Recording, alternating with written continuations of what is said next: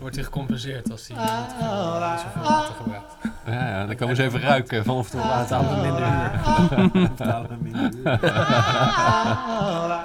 Dit is de wereld van morgen. Met Nick Kieran en Lorenzo van Galen. De podcast die zich verdiept in technologie en welke veranderingen dat brengt in de Een nieuwe maatschappij. editie van de Wereld van Morgen podcast. En ditmaal eh, met Nick, die staat naast me. Hallo Nick. Hallo Lorenzo, dan zeg je precies een glas water eh Ja. Ehm, maar dit keer eh, staan we weer met een gast. Na het grote succes van eh, nummer 33 staan we, sta ik hier naast Bob de Wit. Welkom weer Dankjewel. in de podcast. Ja, leuk om te doen. Eh, en we gaan een serie doen met jou. ehm, met daarbij nog een gast. Dus we staan met z'n vieren nu aan tafel. Ehm, en dat is Jeroen Den El. Welkom. Dankjewel. Ehm, en voordat we, want we hebben ook een introductie voorbereid van eh, beide gasten uiteraard. Maar de Bobcast kunnen we hem noemen, denk ik. Eh, dat is een beetje de, het begon als geuzetitel, maar bleef wel een beetje hangen op een gegeven moment. Running gag noemen ze dan weer. Ja, precies. De, de, de vraag rijst bij mij nog steeds of we moeten framen als Bobcast, om het zo maar te zeggen. Eh, maar het zal een, een, een, een, nou, een drie luik, een vier luik, nou, afhankelijk van het aantal onderwerpen dat we, dat we leuk vinden, eh, zal dat eh, nou, de komende maanden online komen. En dit is de eerste. En ik heb eerst een introductie van, van professor Dr. Bob de Wit. Professor van, de, van Strategic Leadership at Nijrode Business Universiteit. Co-director van de Center for Strategy, zoals het zo mooi staat op de website van Nijrode. Eveneens directeur van Strategy Works en Strategy Academy. Ook betrokken bij het Rotterdam Economic Board. En lid van de International Advisory Board Rotterdam.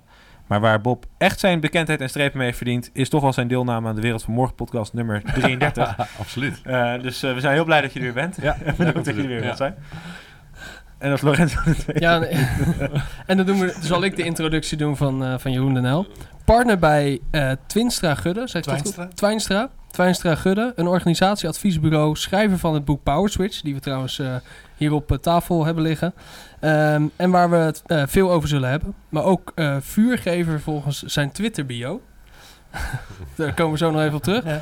Eh, en hier geven we ook graag het woord over aan Jeroen. Eh, want dit, eh, ja, dit willen we weten. Wat, wat is vuurgever? Nou ja, vuurgevers inspireren is eh, mensen aanjagen om eh, de, hun dromen eh, ook te verwerkelijken. En dat vuur, dat vuur heb je ervoor nodig. Nou, dat heb ik. Maar dat vind ik ook heel leuk om dat een beetje over te dragen. Dus dat, dan noem ik mezelf ook vuurgever. Mooi, mooi. En wat voor organisaties adviseren jullie bij eh Twijnstra? Gudde? Twijnstra Gudde zit eh, voornamelijk in de publieke sector. En wat vroeger ook eh, de publieke sector was, maar nu tot de markt gerekend wordt. Dus denk maar aan ehm, KPN. KPN, inderdaad. Eh, want dan had je vroeger gewoon de PDT. Mhm. hè? En dat geldt eigenlijk ook voor heel veel de universiteiten. En, eh, dus die, die gedragen zich ook als marktpartijen. Je ziet dat steeds eh, corporaties, die zijn nu weer wat terug, woningcorporaties zijn nu Mhm. weer wat terug in het hok. Want vroeger gedroegen zich ook als bedrijven, want die dachten allemaal dat ze marktpartijen waren. Mhm. En je ziet eigenlijk dat in de markt er een groot stuk verstatelijkte of bedrijven zijn die eigenlijk nog tot de publieke sfeer behoren. Dus eigenlijk als je naar Twijns de Gudde kijkt, dan verdienen wij ons geld het meest met advies en interim management en management van projecten. In de overheidssector of in die semi-overheid. Dus dat is energie, dat is zorg, Mhm. dat is mobiliteit, eh, nou, dat soort dingen. Dat is denk ik wel een hele andere discipline dan, ik noem een willekeurig bedrijf, een grote corporate, die niet eh, in dat domein eh, Ja. valt. Ja, ik denk dat wij, wij komen, we hebben ook wel eh, samenwerking ook internationaal, ook met- in onder de Cordons Worldwide, waarbij we wat meer in de markt, echte global markt eh, opereren. Maar we zijn natuurlijk niet de grote Big Four die daar eh, al helemaal actief in zijn. Nee, precies. En vandaag gaan we het hebben over de rol van de overheid. Ehm, en eh, daar ben ik heel benieuwd naar, want ik heb heel veel vragen. Ehm, en ik wil ook heel veel weten. Ehm, want ja, vervaagt de rol van de overheid. Hè. Er zijn een aantal. eh, Moet, moet de bemoeienis omhoog, omlaag? Ehm, kan de technologie de wetgeving nog bijhouden? Want er gebeurt ontzettend veel en razendsnel. Laatst nog met het, met het WIF. Ja. Eh, dus daar gaan we het vandaag over hebben. Ehm, maar al, al- allereerst wil ik je vragen, eh, Jeroen. Eh, ik las afscheid van een dikke overheid, dikke markt. Ja. Leg dat eens uit. Nou, dit boek dat bestaat eh, eigenlijk uit de helft een soort historische terugblik over hoe hebben wij nu zo'n grote overheid gekregen. Die een heel groot beslag heeft over het publiek domein. De overheid regelt bijna alles. En ook een relatief hele grote marktsector. En wat, wat daar, dat in, ik beschrijf eigenlijk een situatie waarbij we eigenlijk vanuit de 19e eeuw, eh, vanuit gemeenschappen waar burgers het zelf deden. Ik was laatst bij de ZLTO, hè, dat is de, de land- en tuinbouworganisatie in het zuiden. Die, hebben in 18, die boeren die gingen in 1830 zichzelf verzekeren, omdat niemand anders die hooibergen zouden verzekeren als die, als die in de fik zouden vliegen. En die, die, die verenigingen die gingen steeds meer doen. Die hadden op een bepaald moment zelfs kooklessen aan, aan de moeders die uh, in de boerderij uh, wel gezond zouden moeten koken. Dus men ging eigenlijk voor elkaar zorgen op een heel, op een, op een heel integraal gebied. En wat je ziet is eigenlijk dat sinds die 18e eeuw de overheid, of de, de, de 19e eeuw, de overheid eigenlijk steeds meer taken aan zich heeft getrokken. Dus eerst de infrastructuur en vervolgens gingen ze de woningbouw voor arbeiders regelen. En waarom is dat? Waar, waar, omdat, dat het, omdat, omdat we, denk ik, steeds meer zagen dat er misstanden waren. Dat in die communities, in die gemeenschappen die actief waren, dat soms ook wel eens een keer misging. Of dat er door, ook door de economische groei uh, uh, een riool moest worden aangelegd. Ja, dat doet de overheid wel. Dus je krijgt steeds meer eigenlijk dat de overheid taken overnam. We hadden natuurlijk een emancipatiebeweging, want die arbeiders in die industrie die waren, werden uitgebuit. Dus ja, niet voor niks het socialisme. Die gingen staken, gingen, gingen stemrecht verwerven. Dus men ging steeds meer eigenlijk uh, zeg maar, uh, ruimte scheppen voor het individu. En uh, de, de gemeenschap werd langzamerhand steeds kleiner en de overheid nam steeds meer taken over. Dus je kan zeggen, we hadden armenzorg, maar in de ene gemeente of in wat werd dat door een kerk gedaan. In een ander gebied waren er geen, niet zo'n sterke kerk. En, hoe gaan we dan met die armenzorg om? Nou, dan gaan wij dat wel voor ze doen. Dus die overheid die ging steeds meer um, taken wegnemen die burgers onderling met elkaar al deden, zoals die boeren. En die werden eigenlijk bij die, bij die gemeenschappen weggehaald. En de overheid ging belasting heffen en ging met dat geld diezelfde taken voor die burgers uitvoeren. Is dat ook het moment waar, waar de overheid is gevormd tot wat die nu is? Ja, dat is, dat is, nou, dus dit is een, een, eigenlijk een, een, langzaam op, op, op, opgaande curve die heel erg versterkt is na de Tweede Wereldoorlog. Toen we het echt hadden over verzorgingsstaat. Het was een socialistisch ideaal. Keynes was eigenlijk toch het, het, idee dat de overheidsfinanciering helpt om alles glad te strijken, om conjunctuurverschommelingen uit te bannen. We hadden het aardgas, dus we konden ook heel makkelijk uh, gemeenschapsvoorzieningen bouwen. Dus al die vaak door de kerk of door zelforganisatie opgebouwde voorzieningen werden steeds verstatelijkt. Dan gingen, een ja. ze financieren, gingen ze eisen stellen en dan gingen ze zeggen, ja, dan moet je ook in een CAO. En dan moeten er ook opleidingseisen komen. Die mensen, voor je het weet, had je een hele sector. Dat was het welzijn, dat was de zorg, ja. dat was het onderwijs. Al die zaken zijn eigenlijk verstatelijkt. Dat is eigenlijk wat er gebeurd is de eerste helft van de vorige eeuw. Tot aan 1980, schat ik. En toen is die trend gekomen met Reagan en Thatcher naar liberalisering. Waarbij eigenlijk gezegd is, ja, maar die overheid is veel te dik en dat kan de markt wel beter. En toen is eigenlijk een stuk van die publieke sector geprivatiseerd. Mm -hmm. Vaak nog niet in heldere contexten, waardoor het een quasi-markt situatie was. Waardoor ook uh, niet, niet ja, een hybride vorm van aansturing was. Het is niet helemaal markt en het was ook nog steeds ook wel een beetje overheid. En het is ook tegelijkertijd niet helemaal overheid en, en meer markt. En dat heeft ook heel veel schade gedaan. Ik denk dat als je het goed doet, moet je het echt privatiseren. Maar je moet ook echt durven loslaten. Mm -hmm. Maar in 1980 was die, uh, als we het dan over uh, dikke overheid hebben, dan was het wel op een dik punt. Het is ja. niet dat, uh, ik bedoel, er was echt al, er moest flink afgevallen worden, zeg maar, los van uh, wat, wat, er is gedaan. Maar het was echt wel, een, een, ik weet niet of het een hoogtepunt was, maar wel op een, op een hoog punt, denk ik. Ja, ik denk dat er dus een heel groot geloof was dat die overheid het wel kon doen en die kon het betalen, mm. die aardgasbaten. En tegelijkertijd was eigenlijk dat die tegenbeweging, die markt, die liberalisatie, die, die was al gestart. Mm -hmm. en, die, en ik denk dat dat, ja, dat heeft, ik heb zelf in de jaren negentig uh, in, bij Binnenlandse Zaken gewerkt. En dan waren wij bezig eigenlijk allemaal taken naar de markt te brengen. Die woningcorporaties die waren eigenlijk subsidieverslaafd. Die kregen geld om huizen te bouwen. Mm -hmm. Nou, dat gingen we niet meer doen. Ze moesten zelf maar hun vastgoed mm. renderend verkopen. En vanuit de winsten uh, weer sociale woningbouwvoorraad bouwen. Nou, dat hoeven wij toch niet te doen als overheid. We geven hun vrijheid en dan kunnen ze zelf ondernemen. Dus dat is een trend, mm -hmm. kun je zeggen. Waar dus steeds meer is daar zeg maar uitgepompt. Het heeft ook te maken met de euro. Nederland had een grote publieke sector. En je kon pas toetreden tot de euro als je, ik geloof, ik weet niet precies hoe dat percentage luidde, maar dat je een beperkt aan uh, beslag legt op de, op de economie als overheid.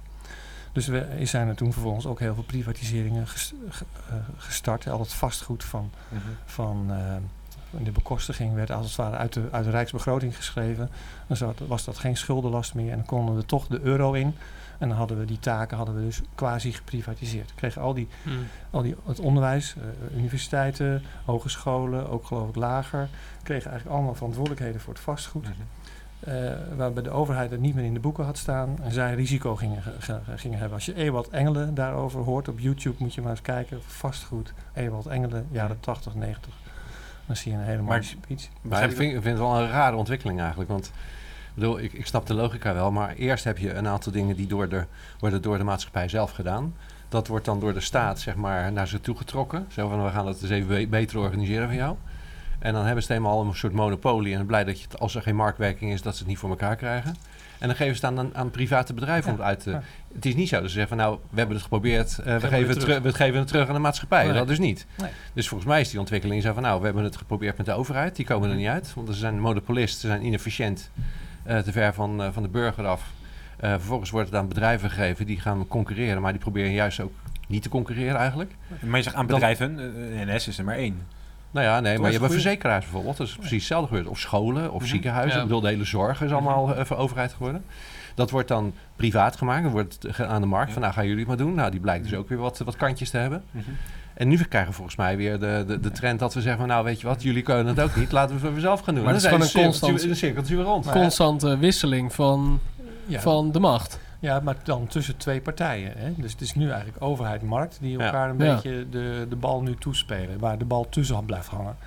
Maar de grote paradigma shift, en dat is het tweede deel van het boek, gaat eigenlijk over dat je moet kijken naar de waarde van die gemeenschappen. Dus wat betekent het als wij samen onze kinderen in een kinderopvang zouden, zouden dat wij samen zouden betalen voor de kinderen van onze kinderopvang. Dat het niet een deel door de overheid en een deel door onze werkgever wordt betaald, maar dat het gewoon in ons loonzakje zit en dat wij eh, dat samen doen. Dat betekent dat wij bepalen wat de veiligheid in het kinderopvangverblijf moet zijn. Dat wij niet denken van, oh, om, dankzij Robert M. moeten er minimaal twee toezichthouders zijn. Hoezo moet dat? Kunnen wij bepalen dat wij dat één persoon laten zijn. Dan kunnen we het voor de helft van de kosten doen. Mhm. Dus als je mensen het zelf laat doen, doen ze het goedkoper. Ze managen dat waarschijnlijk in, allemaal in hun vrije tijd. Dat geld houden wij als overheid dus in onze zak. Mhm. Die burgers gaan het veel goedkoper doen. Zijn ook veel spaarzamer, denken eigenlijk veel duurzamer. Dus het is eigenlijk schakel je een stukje van de economie af Mhm. uit het economisch domein. En je laat Mhm. burgers het onderling zelf regelen. Dus je maakt de, de, de bruto nationaal product maak je kleiner. Maar het bruto geluk, namelijk van burgers die onderling dingen regelen, neemt toe. Ja, maar dat, ik geloof echt wel dat het, dat, dat een goede is eh, om te doen in heel veel gebieden. Maar het kunnen ook grote gebieden zijn. Bijvoorbeeld zo'n toezichthouder bij Robert M. eh, bij de Robert M. eh, je kan zeggen, is het overdreven om er twee te hebben? Of, of, want ik bedoel, Robert M. is één. En, nou ja, goed, ik weet niet hoeveel gevallen er van dat soort eh orde zijn. Maar volgens mij niet zoveel. in verhouding met, Ja. met wat in de markt werkt, zou ik maar zeggen. Maar er zijn natuurlijk ook redenen dat, nou, ik noem het vangnetten, Ja. die, die zullen er zijn. Zeker. Want wat, hoe, wat- die zullen er ook niet voor niet zijn. Ja, dat is het mooie. Dat is waarom er een dikke overheid en een dikke markt is. Eh, Die twee partijen hebben er geen belang bij om problemen op te lossen zonder dat zij er een rol in spelen. Zij houden ervan om een rol te spelen in het oplossen van het probleem, want daardoor blijven ze dik en, en stevig en machtig. Ja. Ze zijn nooit eh, voornemens om hun macht af te staan. Dus als er een probleem is, dan zien we, hey, nieuwe regel, nieuwe toezichthouder, nieuwe, nieuwe protocolletje, nieuwe training om die mensen te trainen in het protocol. Dan zien we allemaal nieuwe opleidingsinstituutjes komen, gaat het certificeren. Dus dan krijg je een hele bak met overhead die niks toevoegt in mijn beleving aan het probleem, maar wel het systeem groter en dikker maakt. Dus als we nou, als je daarvan af wil, dan moet je dus eigenlijk tegen die overheid durven te zeggen, joh, we pakken dat geld bij jou weg. Dan geven we het aan burgers. Misschien geven we het niet als een, als een, als een, een taxkorting, een belastingkorting. Maar je moet misschien zeggen, wil je kinderopvang? Dan moet je vier andere ouders regelen.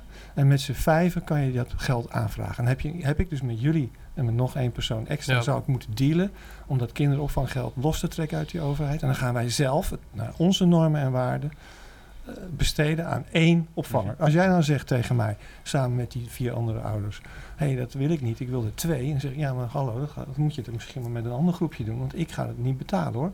Dus dan gaan wij een gesprek met elkaar hebben over wat kwaliteit is. Dat doen we nu niet. We zijn nu consument van het door de overheid geregelde Exact, ja. Maar dan, dan ga ik die vraag even aan Bob stellen. Want ik ben eigenlijk ook wel benieuwd, want ik zie wel heel veel knikken. Maar Ja, ja, ja. Eh, dat, dat, hoor je eens, dus- dat hoor je natuurlijk Ja. niet op de, aan de, aan- door de microfoon. Eh, maar stel dat eh, ik minder geschikt ben om zo'n beslissing te nemen. Om wat voor reden ook. Ik heb geen kaas gegeten van pedagogiek. Ik, nou, ik heb sowieso geen... ik ben nog een kind, zeg ik soms wel eens, zeg maar. Dus, ik heb de jaren tachtig ook niet meegemaakt, zeg maar. Dat is ook geen verrassing, denk ik. Maar wat als, als zoiets komt kijken? Ik bedoel, kijk, met, met kinderopvang kunnen we redelijk... Ja, dat redelijk menselijk en zo. Ja, maar je, kunt, je kunt als gemeenschap kun je het oppakken. Hè? Dat is, dat is de, de, de, schaal waar je naar moet kijken. Mhm. Dus de, de, de zorg is uit, uit de gemeenschap gehaald, de onderwijs is uit de gemeenschap gehaald, kinderopvang uit de gemeenschap gehaald. En het is precies wat Jeroen zegt. Je wordt als burger word je zeg maar eh, passief gemaakt. Hè? Je Mhm. wordt eh, consument gemaakt. je kunt alleen maar eh, klagen. Hè? Dat is het enige wat je kan doen. Mhm. En voor de rest heb je een overheid, wat het ook verder is. Hè? Een veelkoppig monster, zeg maar. En die bepalen dus van alle, allerlei dingen die het moeten gebeuren. Hè? En dat is, er wordt dan Tweede Kamer dingen besloten. En nog allerlei andere dingen worden besloten. En, en dan kun je alleen maar klagen en het niet mee eens zijn. Maar eigenlijk wat je, wat je eigenlijk wil doen is zeggen van... joh, luister eens, eh, ik ben goed in kinderopvang. Dat vind ik hartstikke leuk om te doen. Eh, en er zijn nog een paar die vinden het ook leuk om te doen. Als we dat aan te doen en, en jij zorgt ervoor dat je boodschappen gaat doen... en, en jij gaat de hond uitlaten, dan, dan kun je het allemaal weer zelf organiseren. Weet je? Dan heb je dus geen overheid meer nodig. En inderdaad, dat reduceert de overheid met... nou, nou zullen, we niet over, zullen we niet overdrijven, 70 procent? Ik, Ik bedoel, het groot deel van Ja. wat wij betalen is gewoon overheid. Ik bedoel, Mhm. mensen die doen wat, maar het heeft geen toegevoegde waarde. Dus Maar de vraagtekens die ik daar dan weer bij heb, is stel, eh, we hebben zo'n collectief van die mensen die zelf dat regelen. Eh, maar er is ook een heel groot deel van de gemeenschap, ik denk het overgrote deel van de gemeenschap, die dat niet kan vinden of niet die aansluiting bij, die, eh, bij dat groepje vindt of niet de weg daarheen, naar, daar naartoe vindt. Denk je. Wie, wie vangt die groep dan op? Nou ja, Ja, als we als- het hebben over de verzorgingsstaat, dan Nee, we maken geen verzorgingsstaat. We maken weer, een, Nee, maar ik we bedoel- maken weer burgerinitiatieven. En Maar- de een die kan een beetje handelen. En, en die maakt een, eh, een kringloop. En de andere die kan eh, kinderen eh, en, en die, die gaat de kinderen opvangen. En je gaat het weer zeg maar, samen doen. Laten we niet vergeten, het, het, eh, het idee van, eh, want een van de factoren die eh, Jeroen nog niet noemde, was dat er was ook gewoon een gebrek, in, er was ook gebrek aan, aan, aan, aan, aan mensen die konden werken. Het was heel veel werk. Hè. Er ging steeds meer werk komen in de industrialisatie. We mo- Iedereen moest aan het werk. Mhm. En dat betekent dus dat je 40 uur moest werken. En dus werd alles georganiseerd buiten die 40 uur om. En dan word je ineens kwaliteitsmanager zorg bijvoorbeeld. Ja, bijvoorbeeld. Dus alles werd, werd geprofessionaliseerd, werd een beroep van gemaakt. Maar we moeten, goed, eh, eh, we moeten er rekening mee houden. Dan in de toekomst hè, zijn we niet allemaal aan het werk. Ik bedoel, misschien moeten we nog 20 uur werk. Nou, die andere 20 uur worden we weer burger. En dan gaan Ja. we dingen onderling organiseren. Dat is een andere manier om dingen te gaan doen. En dat, is een prima? grondslag. Dat is wel een, ver- een, een vereiste grondslag misschien. Ja, Nou, een mooi voorbeeld vind ik eh, het broodfonds. Ehm, voor zelfstandigen die, die samen in een collectief eh, elkaars rug hebben, als het ware. Van elkaar dekken. En met een mannetje van 15 tot aan 50 mensen die elkaar ook wel kennen en die elkaar eh, vaak hebben gezien. Die komen af en toe eh, bij elkaar om eens met elkaar te praten en te overleggen. En als één iemand in dat groepje, in dat collectief, ja, arbeidsongeschikt raakt of die, die is langer dan een maand ziek, dan krijgt hij een bepaald bedrag uit zo'n broodfonds. ja, dat heet onderlingen. Vroeger waren er heel veel van die organisaties opgericht als onderlingen. Je Ja. had coöperaties, hè, een verzekering was het. Hè, en je had onderlingen. Hè, onderling deden we dat. Eh, Wel, nou is nog de vraag hè, die net gesteld is. Gaat, wat doen we met die zielige mensen die zichzelf niet kunnen organiseren? Ja. Dat is een belangrijk, een belangrijk puntje. Want oude socialisten die nog voor de overheid zijn... die zeggen, ja, dat gaan we wel aan de overheid vragen om het op te lossen. En dat zegt de SP, dat zegt de Partij van de Arbeid. Mijn vader ook trouwens hoor. Even Jouw los vader? van, En van, van- nee, die SP. Ja, dat bedoel ik. Ja, eh, en, en vaak ook gewoon van, hij zegt, eh, ja, ik, eh, hij erkent gewoon, ja, hij luistert de podcast ook, dus nu heel erg uitkijken wat ik zeg. Maar hij erkent ook gewoon van, ja, ik heb hier geen verstand van, ik ben Nee. een simpele Ja. arbeider, Oh, beslis maar voor mij, I don't care, ik wil dat. Ja, nou kijk, ik denk dat is, dat is, het is een beetje dubbel. Enerzijds is jouw vader misschien helemaal terecht een heerlijke consument van overheidsbeleid. En zegt, ik heb groot vertrouwen in die overheid, lever dat voor mij. Maar als ik tegen hem zou kunnen zeggen, joh, eh, als je nou deze en deze taken, krijg je zoveel geld van mij. Maar die moet je wel in het collectief gaan besteden. Dus ik, ik zeg niet tegen hem dat hij het in zijn eentje mag doen. Kijk, een PGB, hè, persoonsgebonden budget, Mhm, dat is ja. een individueel budget. Dan ben je eigenlijk een rationeel wezen. Dit moet het beste zorg gaan kopen voor het ene budget. Dat is iets heel anders dan dat ik dat kinderopvang voorbeeld gaf. Dus als wij nou in het, in het wijkje wonen en wij gaan met z'n vijven dat doen en we zien dat er nog twee andere ouders een beetje zitten te lummelen die eigenlijk ook dit willen. Waarom zouden wij, waar zouden wij dan zo eh, exclusief zijn dat wij hun niet meenemen? Dus, want wij hebben er voorbeeld bij als er nog twee bij zijn. Zouden wij, als wij zelf verantwoordelijk worden om een team samen te stellen, altijd alleen maar voor die beste gaan en die even, eventuele misfit eh, de, de, de niet in, innemen? Ik denk dus dat als je mensen verantwoordelijk houdt voor zichzelf te organiseren, gaan ze zich ook verantwoordelijk gedragen. Dus daarmee heb ik een stukje van die angst opgelost. Het zal altijd nog wel een issue'tje zijn, want je hebt nare mensen die nooit met iemand willen praten. Ja. Dat is ja niet verwarde mensen. Maar daar is nu ook geen oplossing voor. Daarom. Dus, Nee. ja, En- nee. dan, zo. en dan komt daar wel weer iemand voor die zegt, daar ga ik dan toch mijn best voor doen. Het zijn de dominees, de pastoraal werkers, weet ik veel wat. Ja. Er zijn altijd wel mensen die zeggen, daar ga ik me toch om, om, om eh, bekreunen. Nou, ik vind, eh, wat ik een heel mooi voorbeeld vind zelf, van hoe dit, hoe je, waar ik dit een beetje in terugzie. Misschien dat ik totaal verkeerd zit hoor, dan uh, interrupeer me graag. Is Uber. Eh, die hebben een klassificatiesysteem voor zowel klant als, eh, als bestuurder. En die zeggen, ja, ik, eh, ik, stel ik eh, ben echt een enorme taxi, eh, nou hoe zeg ik dat netjes? Een eh, verschrikkelijke taxigebruiker. Ik, eh, Misbruiker. ja. Ik ga twee minuten rijden, ik stop met een pan soep aan het einde van de straat, naast me op de bank en ik, ik, ik geef nooit fooi, ik ben onaardig tegen die man, ik leg mijn voeten op de bank en hij geeft me altijd één ster. Nou, dan ben ik dus een, volgens Uber een slechte taxigebruiker. Nou, Andere kant, er zit wat in dan. daar zit ook wel wat in. Ja, het is ook waar. Nee. maar aan de andere kant heb je een Uber-chauffeur die eh, heel netjes is, et cetera. Eh, nou, die heeft vijf sterren. En je hebt ook een Uber-chauffeur die wat minder netjes is, heel hard rijdt, heel abrupt rent, et cetera. Die heeft dan ook één ster. Wat doet Uber dan? Die zegt, nou ja, voor, voor types zoals jij zijn er ook bepaalde eh, chauffeurs. En wij vinden mensen die als zich als vijf sterren gedragen, moeten ook vijf sterren behandeling krijgen. Dus daar lost dat zichzelf op. Maar wat krijg je dan? En dat is waar ik naartoe wil. Is Uber heeft een nieuwe functie, dat heet Uber Pool. En wat het eigenlijk is, is dat wij zetten alle vier even Uber aan. We willen alle vier naar een vergelijkbare locatie. Dan gaat Uber ons aan elkaar koppelen om samen een auto te delen en dus kosten te besparen. Dat is de hoofdreden om dat te gebruiken voor veel mensen. Wat gebeurt er nou? Eh, ik ben vier sterren. Lorenzo is vijf sterren. Nou, Bob in dit voorbeeld, jij bent twee sterren. Dank, bedankt, en jij bent één ster. Ja. Wij komen nooit met elkaar in de auto. Nee. Dus eigenlijk word je dan al door, eh, door die norm uit elkaar gehaald. En waarom ik denk dat dit een goed voorbeeld is, is ik heb zelf eh, recentelijk een huis gekocht in Schiedam. Nou, als je een beetje bekend bent in Schiedam, weet je dat daar niet alle wijken heel erg goed zijn. Eh, waar ik zit is het keurig. Eh, en ik realiseer me dat ook. Er zijn alleen maar koophuizen omheen. Er zijn alleen maar leuke mensen, et cetera. En goed, ik kies, je kiest ook je eigen bubbel uit. Maar als je nu tegen mij zegt, Nick, ja, je moet naar Schiedam-Oost toe... en daar moet je met die mensen een alliantie vormen om iets te regelen... Ja, dan denk ik dat het Uber-Pool-effect gaat opkomen. Ja, maar en dat is, dat denk ik, hè? Dat is een, dat, dat, maar ik vind, het heel, ik vind het echt een heel goed voorbeeld wat je geeft. Want eh, kijk, hoe gingen normaal bij taxichauffeurs? Want het, hè, het is kenmerk van taxichauffeurs dat er hele goede taxichauffeurs zijn. Maar zijn er ook een paar die zijn er wat minder te vertrouwen. Hè? Dat, dat, hè, dat, is, dat, dat is wereldwijd. Hè? Dat is een eh, algemeen probleem. Oh, ik dacht dat het een Amsterdamse probleem was vooral. Nou, nou ja, dat, dat met name natuurlijk, maar ook in andere steden is het wel een issue. En dat hebben we opgelost door te zeggen van nou weet je, we willen als je in een taxi stapt moet het veilig zijn. Dus wat doen we? Een taxi moet een vergunning hebben. Nou, dan moet hij 150.000 euro betalen, moet hij een vergunning kopen en zo. En dan weet je, als je in een taxi stopt, dan, hè, dan word je niet beroofd. Hè, en een taxisysteem erin bouwen, Ja. Dure auto's. Ja. en whatever, En wat ja. gebeurt er dan?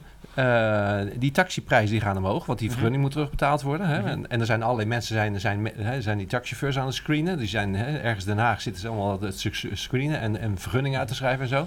Dus je maakt een enorme luchtballon van overheid, als het ware. Ja, dat is eigenlijk wat je doet. Ehm, en nu krijg je dus, Mhm. en dat is het grote verschil met Uber, je maakt dus een horizontaal systeem. Dus je gaat van een verticaal systeem, hè, je Mhm. besteedt het uit aan de overheid, die zorgt voor de veiligheid. Hè, en ik stap in, eh, in, de, in, in een taxi en ik ben gewoon consument en ik rij gewoon mee. Ga je weer vervangen door, we gaan het onderling doen. Dus jij, jouw gedrag maakt dus Mhm. uit in welke rating je krijgt. Mhm. En je krijgt er een soort, je, gaat, je krijgt je eigen soort mensen krijgen bij elkaar. Mhm.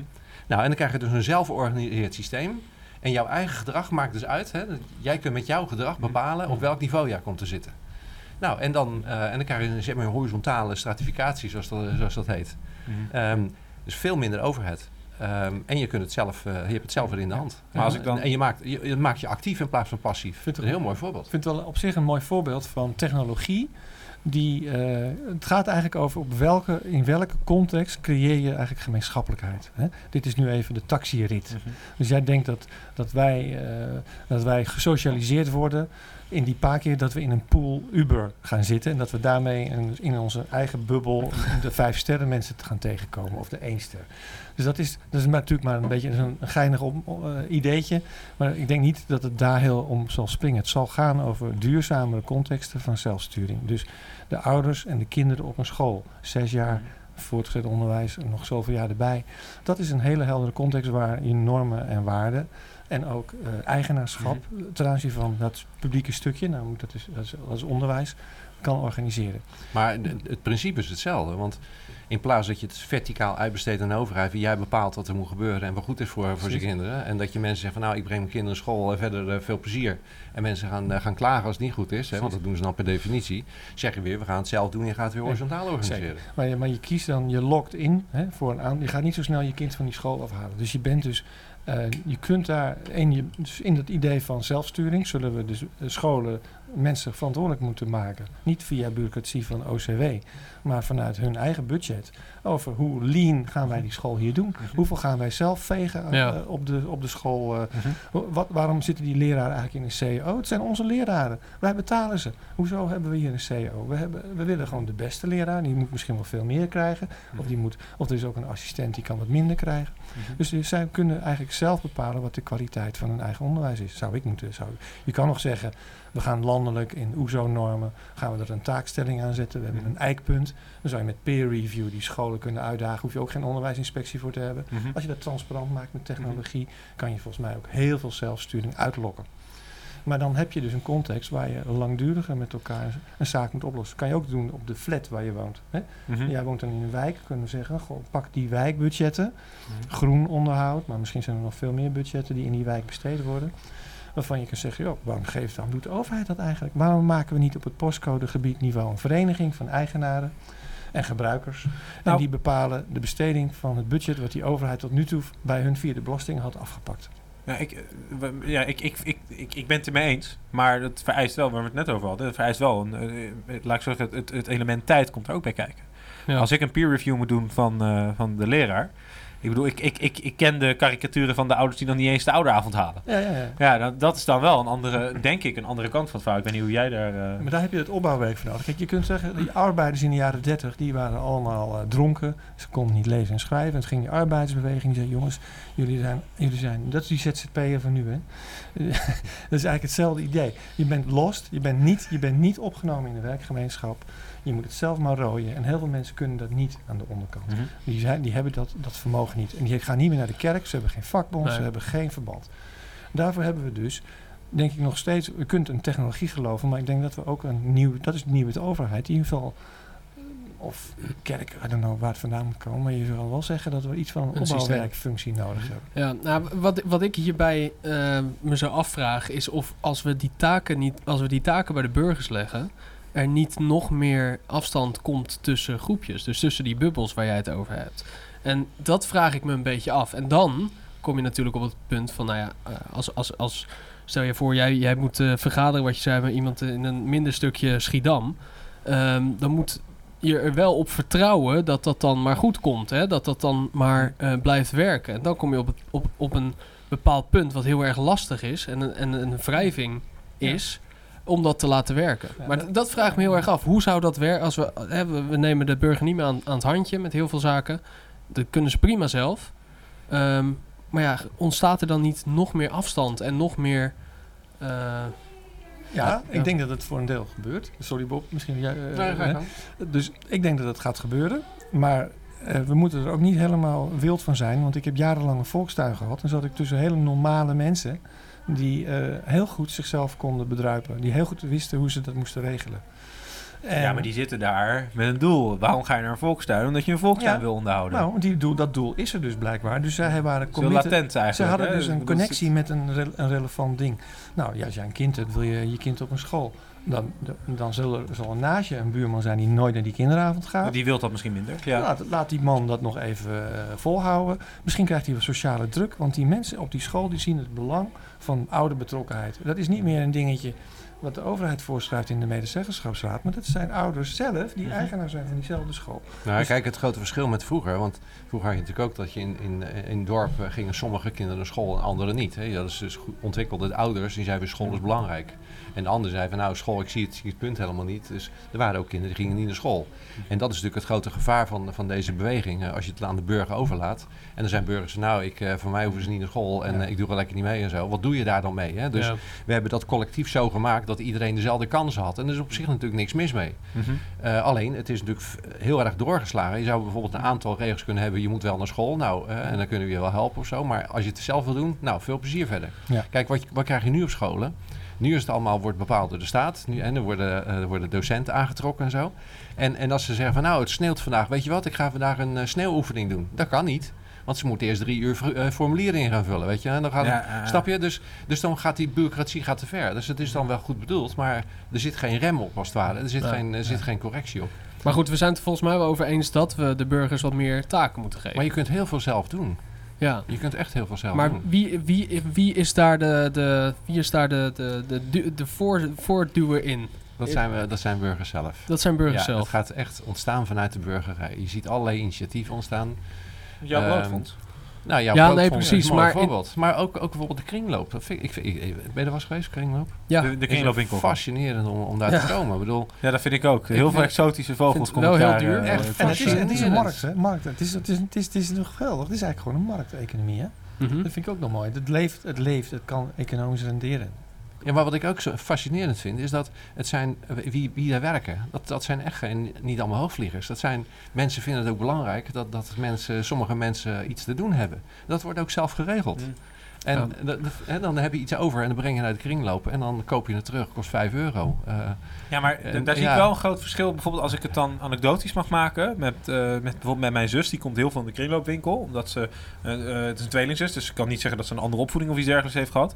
En dat komt gewoon puur omdat zij minder te besteden heeft dan ik. Ik ga eerder naar een winkel dan naar een kringloopwinkel. prima toch? En dat is, dat is denk ik hartstikke Ja, maar is dat prima? Dat is, dat is niks mis mee. nee. Maar tegelijkertijd kan ik me niet herinneren voordat ik het laatst ben geweest. En dan denk ik, ja, dat, en, dat, en dat, daar ben En ik dus een niet? beetje... Nee, ik niet. Maar ik kan me dat- ook voorstellen dat andere eh, punten... bijvoorbeeld het, het regelen van een school of iets dergelijks inderdaad... dat je dan hebt dat mensen zeggen...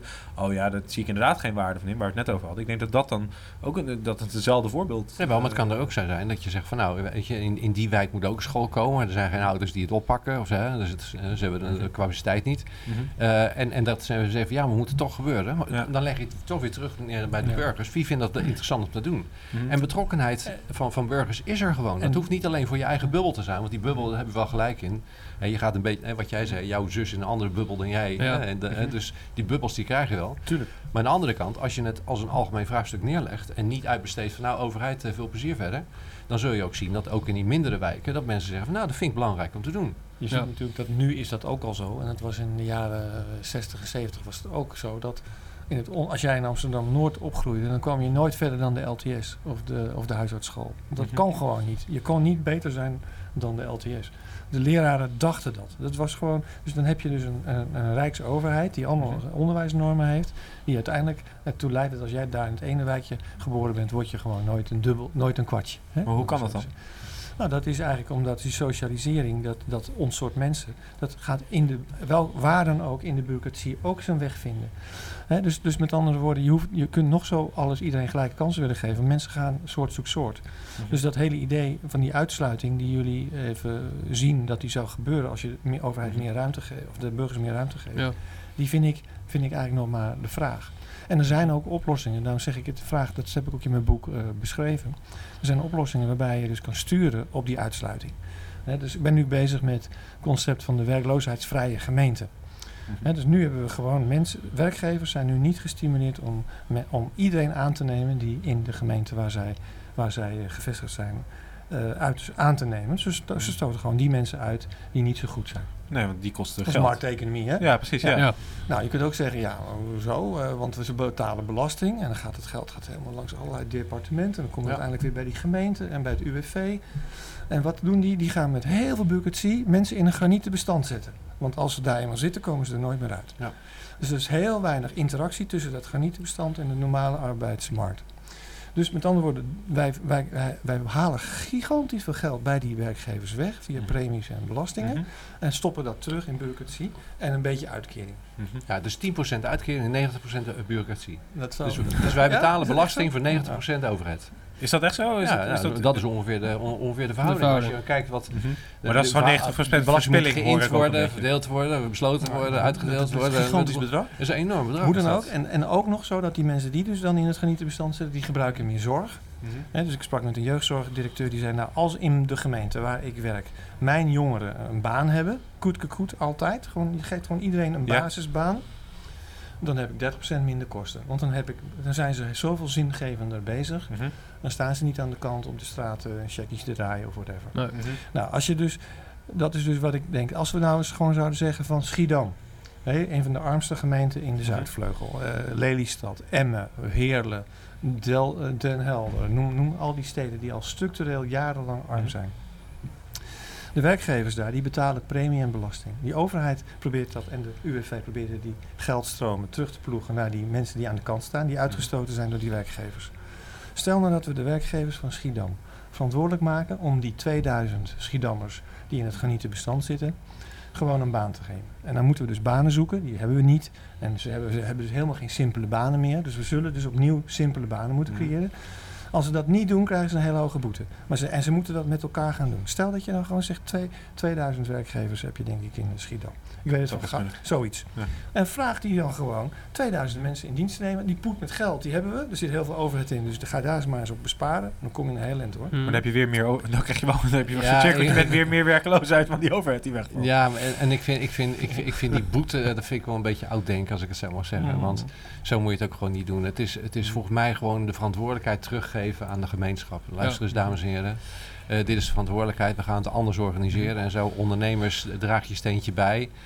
En ehm, kijk, en, en tegenwoordig gaat het met likes en zo, weet je nog? Hè, als je je niet Ja. goed gedraagt, dan, eh, dan krijg je, en als je heel goed doet, krijg je... Dus je krijgt meer een horizontale evaluatie van elkaar. Mhm. En niet een overheid die een boete oplegt. Weet je wel, dat, dat hoort gewoon niet bij het systeem. Je moet het samen gaan doen. Je moet samen kijken van hoe kunnen we de eh, gemeenschap verbeteren. Eh, en, dan, en dan ondernemers hebben daar een rol in. Maar je moet ze niet gaan verplichten en boeten. Dat geloof ik Nee, niks, helemaal niks van. dat is ook zo. Kijk, je hebt een, een bakker die één, eh, één, één bakkersjongen heeft. Die kan dus niet zo makkelijk zomaar iemand Nee. aannemen. En, een, en, een, en een, een filiaalhouder van een groot bedrijf wat eh, heel veel junkbanen heeft. Die kan ook niet zo makkelijk. En een consultancybedrijf eh, is ook niet geen industrieel bedrijf. Dus zullen dus die werkgevers met elkaar een taak moeten geven om die verantwoordelijkheid op te lossen. En niet alleen werkgevers, gewoon ook burgers. Hè? Maar, maar er is toch ook gewoon een reden dat die mensen geen werk hebben. Ja, sorry, misschien ben ik nu even heel pessimistisch. Maar eh, stel dat we die mensen allemaal een baan geven in de zorg, want daar is er heel veel vraag. En misschien krijgt dan iemand die eigenlijk daar niet hoort een baan bij mijn oma. Met alle Ja. gevolgen van dien. Maar, ja, ik, maar ik ken bijvoorbeeld een... Nou ja, het is heel, het is heel pessimistisch denken, I know. Weet je? Nee, maar ik ken- een beetje mijn rol nu. Nee, maar- eh, ja, nee, natuurlijk. Maar ik, ken, maar ik ken iemand en, en die hebben een beetje pech gehad eh, met hun kind. Mhm, Eh, en mensen die vinden dat heel vervelend. Het is een heel lief kind en zo, maar die kan gewoon niet zoveel. mhm. En die werkt dus ook in zo'n, in zo'n kringloopachtige organisatie. Omdat Ja. mensen vinden van ja, dit is een lief kind en we, we gunnen het beste. Die ouders hebben altijd altijd voor mensen over en zo. En dan los je het gewoon zelf op. En er wordt best wel iets voor gedaan. Mhm. En er zijn natuurlijk altijd wel dingetjes te vinden om, om mensen erbij betrekken. Zolang, Maar- je, maar, zolang je je maar betrokken maakt. Maar die willen, Maar- denk ik. En dat is denk ik de vraag. Ik, er zijn ook genoeg mensen die niet willen. Nee, maar kijk, die, die groep Maar van mensen... moet je wel. Maar als jij dus 600 brieven moet sturen, hè, eh, om de, eh, je moet dus van, de, van, de, van je sociale dienst eh, heel vaak solliciteren. Mhm. En wij v- hebben werkgevers niet verantwoordelijk gehouden om het van mensen aan te nemen. Mhm. Hè, ze, zijn dus gewoon, ze kunnen heel makkelijk mensen niet aannemen, want eh, waarom zou je ervoor betalen? Ik word er niet door een incentive. Mhm.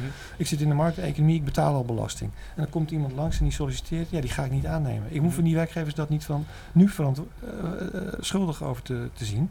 Het gaat er eigenlijk over dat we ze weer verantwoordelijk kunnen maken, maar dan ook de middelen in- geven om die mensen dan in dienst te nemen. En dan zal je een baan moeten zoeken die passend is bij die persoon. Nou, je, hebt, maar- je zegt nou weer werkgevers. En, en mijn punt is nu juist dat het niet alleen werkgevers zijn. Een werkgever is een bepaald onderdeel van de burgermaatschappij. We moeten Ja. het allemaal doen. We moeten ons Ja, ja. betrokken voelen. En, we moeten, en, en, die, Mhm. en, en, die, en die boete, die zit hem niet in een boete wat opgelegd wordt door een overheid. Nee. Dat, dat zit hem in dat je onderling hè, een sociaal, zo, soort sociaal verband hebt. En dat Mhm. belangrijk vindt met elkaar. En dan zullen er altijd mensen zijn die eruit vallen. Maar dat hebben we, ik bedoel, met alle goede bedoelingen hebben we het nu ook niet geregeld. Dus de, bedoel, we moeten niet denken dat we daar die moeilijke groep mee oplossen. Nee, dat is nu niet zo en dat is de toekomst ook niet zo. Dat blijft gewoon een moeilijke groep. Maar je kan heel veel, eh, heel veel wel ding- dingen doen. Kijk, het punt is namelijk dat zowel werkgevers, eh, zeg maar eh, bedrijven, als de overheid zijn gewoon losgejubeld van de maatschappij. Dat is eigenlijk wat het is. Ze hebben hun eigen logica gemaakt en ze vinden prima. De ene die eh, hoeven zich niks, die betaalt belasting, zegt van nou veel plezier verder. En de overheid heeft allemaal mensen die goed bedoelen, nota schrijven en zo, 90% overheid. Ja. En we hebben er allemaal niks aan. En laten we niet vergeten, we hebben nu de technologie om het anders te doen. Hè? Want dat is echt een grote factor. Kijk, vroeger kon je, hè, neem maar Uber, mooi voorbeeld. Vroeger kon je niet, was er geen manier anders dan een vergunning uitschrijven. om te zeker te weten dat je niet beroofd werd door een taxichauffeur. Mhm. Hè, en ik ben een paar keer beroofd in het buitenland, dus ik weet hoe het gaat. Eh, ja, dus ik, ik lachen heb erbij, maar ja, ik heb wat ervaring. Ja. Ja. Ehm, maar dat, dat is inherent aan die sector, dus er moet iets geregeld worden. En vroeger hadden we niks anders dan mensen die een vergunning schrijven. En, eh, en, en dan wist je tenminste dat je veilig was. Maar nu hebben we de technologie om het anders te Ja. doen. Ah, En dan moet het ook anders gaan doen. Dus we hebben ook een andere manier om sociaal verbanden te maken. Maar goed. Ja. Heel mooi. Maar, Maar? ehm, we hebben de burgers eh, over een aantal jaren meer verantwoording gegeven. Maar wat blijft de rol van de overheid? Wat moeten zij wel doen? Ja, nou kijk je naar mij, hè? ja, ja, ja. Ja, dan mag ik het zeggen. Nou, ik heb een mooie quote. Misschien dat we daar dan eh, op in kunnen hangen. Dat heb ik uit de voorbereiding. En dan mogen jullie zeggen van wie die was. Eh, eh, pers, grote bedrijven, politie, iedereen is gaan verslaafd. Dus het gaat echt niet zo makkelijk worden. Nee. Nou, ik weet van wie die is, dus dat is dan wel... eh, De rol, maar je vroeg naar de rol van de overheid, hè? Ja, nee, goed. Nou, wat, zou die, wat zou die dan wel zijn en eh, wat, wat, wat blijft daar over van, Ja. de, van de Ja, overheid? kijk, even, dus het is, we hebben nu het systeem eh, gecreëerd wat als het ware autonoom zo gekomen is. Eh, je kunt zeggen van, het er zit allemaal natuurlijk gedrag in waarom de, de politiek zich nu zo gedraagt als het is. De pers, de, de, grote, de grote instituten zichzelf in stand willen houden. Dus dat is eigenlijk gewoon allemaal oké. Goed Alle- bedoeld. Goed bedoeld. Ja. En het is ook, eh, men is, weet eigenlijk niet dat, dat, dat, dat, dat men erin zit. Hè? Men, men, men weet eigenlijk niet anders. Politici zijn instrumentele eh, bestuurders die graag de laatste regeltjes nog weer beter willen maken. Zo'n Jeroen Dijsselbloem type. En dat zijn eh, politici die eigenlijk willen sturen op, het, op instrumenten. Maar we moeten eigenlijk politici hebben die dus die, die, die visie en die waarde die erachter zit, die dat voorop, die, die gemeenschap werkelijk durven te omarmen. Zelfs het CDA kan dat eigenlijk niet. Hè. Die komt daar eigenlijk van, oorspronkelijk vandaan. Heeft, dat, heeft daar heel veel moeite mee. Die denkt nu in de nazistaat, nationale identiteit. Dat is waar Buma op, op, op stuurt. Die is eigenlijk vergeten dat ieder mens in zijn eigen collectief hun eigen normen en waarden definiëren. En dan als je dus de rol van de politiek ziet, dan zeggen we nou, we moeten de rol van de politiek moet verschuiven van niet alles van die overheid willen, maar eigenlijk context te creëren voor zelfsturing. Dat betekent dat wij niet meer precies gaan over het goede gedrag van die kinderopvang, bij wijze van spreken. Of iets anders, of het- hoe het in het schooltje moet. Dat laten we over aan die mensen die er zelf verantwoordelijk voor zijn. Maar zo, En dan ga je dus uit de normstelling, dan ga je eigenlijk meer over de context sturen. Dan stuur je dus eigenlijk Hmm. niet meer op inhoud, maar je stuurt eigenlijk op de ruimte waarbinnen anderen de inhoud bepalen. Dat is een hele saaie rol. Hè? Dat is eigenlijk een hele saaie rol. Ja. Politici kunnen daar niet meer scoren. Ik heb, ik heb een extra toezichtsregeltje geregeld. Ik heb een extra toezichthouder geregeld. Die overheid nog wat dikker gemaakt. Dat hoef ik niet te vertellen. Maar ik heb die burger op dit punt weer eventjes weer eh, bediend. Hij is als consument, heeft geroepen, we moeten een extra toezichthouder komen en wij hebben dat geregeld. Ja. Nou, dan zit je dus eigenlijk precies op het verkeerde eind. En hoe gaan wij politici helpen om dit te doen? Is dat ze dat verhaal kunnen houden. Waarom zou je niet gewoon geloven in een sterke gemeenschap of in een sterke broederschap, of hoe je ook wil zeggen? Waarom zou je daar niet in geloven? In mijn boek heb ik ook meerdere partijen beschreven dat ze eigenlijk best wel dat zouden kunnen omarmen. Nou, ik ben, ik ben niet zo optimistisch over de soepelheid waarin dit gaat lopen, moet ik je eerlijk zeggen. Nee. Want eh, eh, ik bedoel, volgens mij is het altijd zo geweest dat als als er een machthebber zeg maar, vervangen moest worden door een andere soort machthebber. Eh, dat is volgens mij nog nooit eh, gegaan zonder een hoofd af te hakken of, eh, of een guillotine. Dus dat was dan vroeger. Die hebben we niet meer gelukkig. Maar we hebben nu onze eigen manier om af te rekenen natuurlijk. Maar ik, ik denk wel dat het met, met hoort en stoten gaat gaan. Want kijk, we hebben nu een generatie politici. Die, dat is mooi. Eén keer, één keer per zoveel jaar ga je naar de stembus. Dan hebben ze macht. Dan vinden zij dat ze de baas zijn over mij en over het hele land en zo. En dan vervolgens doen ze gewoon wat zij leuk vinden. En wat, wat ze interessant vinden. Wat ze belangrijk vinden. En hoe ze, hoe ze machtig kunnen worden. Dat is niet het soort politie waardoor ik mij vertegenwoordigd voel. Dus Maar- je hebt een ander soort mens nodig die mij gaat vertegenwoordigen in politieke vraagstukken. anders dat het gaat niet zomaar, hoor. Maar wel het systeem waar, waarvoor gekozen is. Of in ieder geval waar wij in eh, gekomen zijn. En Ja, wij ja. kiezen een aantal mensen die voor ons beslissingen nemen. En daar, daar kiezen, Nou, kiezen we dan. nou, ik, ja, nou, je kan, omdat dat moet. ja, je kan zeggen dat, dat Je dat kan er niet omheen. Ja, je kan zeggen dat je gekozen hebt, maar er is volgens mij niemand die er zit, die heb ik gekozen. Dus ik weet niet hoe het bij jou zit. nee, Eh, nee, maar ik bedoel, het is allemaal heel indirect en zo. Weet je voor het Dus systeem dat ze wij... doen net of wij iets kunnen kiezen, maar er valt natuurlijk helemaal niks te kiezen. Nou ja, wat ik wel interessant vind is, stel dat eh, als we het even terugpakken naar, die, naar de, de beslissing van ehm, eh, bijvoorbeeld die kinderopvang. Om dat voorbeeld maar even weer aan te halen. Eh, minister X zegt, ik ga daar een, eh, die, die bureaucratie daaruit halen. Die beslissing op zelf is al best wel disruptief. Ja. Eh, en die Zeker. heeft ook al echt, die heeft al een soort guillotine-achtige werking Zeker. voor die hele branche. Zeker. Ja. Dus door die beslissing te nemen, dat vereist ook wel zekerheid en inderdaad heel veel, nou ja, Ja. ik wil het Nederlandse woord gebruiken, maar dat is wat minder netjes. Nee. Maar weet je, Adrie Duivenstein, hè, die heeft toen, in, het was een van die kabinetten met Balken en de Bos, geloof ik nog. Zat, of hij zat in de Eerste Kamer en er was een springende stem nodig voor de woonwet. De corporaties moesten weer terug in het hok. Die waren, gingen met Maseratis door het land, moesten weer terug eh, gereguleerd Dat beeld worden. ken ik, ja, met Ja. de grote boot in Ja. Rotterdam. eh. Ja, ja. Oh, ja en ehm, dus Ik Duivenstein alleen, die ik heeft... dacht dat alleen advocaten met Maseratis reden. maar Ja. Nee, woningcorporatiebeheerders ook. Maar, eh, maar die, maar die, destijds. die Adi Duivenstein die heeft een ideaal van zelfsturing. Burgers mogen, moeten gewoon, je bent niet een huurslaaf van die, van die rotwoning van die corporatie. Je moet gewoon eigenaar kunnen worden. Je moet bezit kunnen krijgen.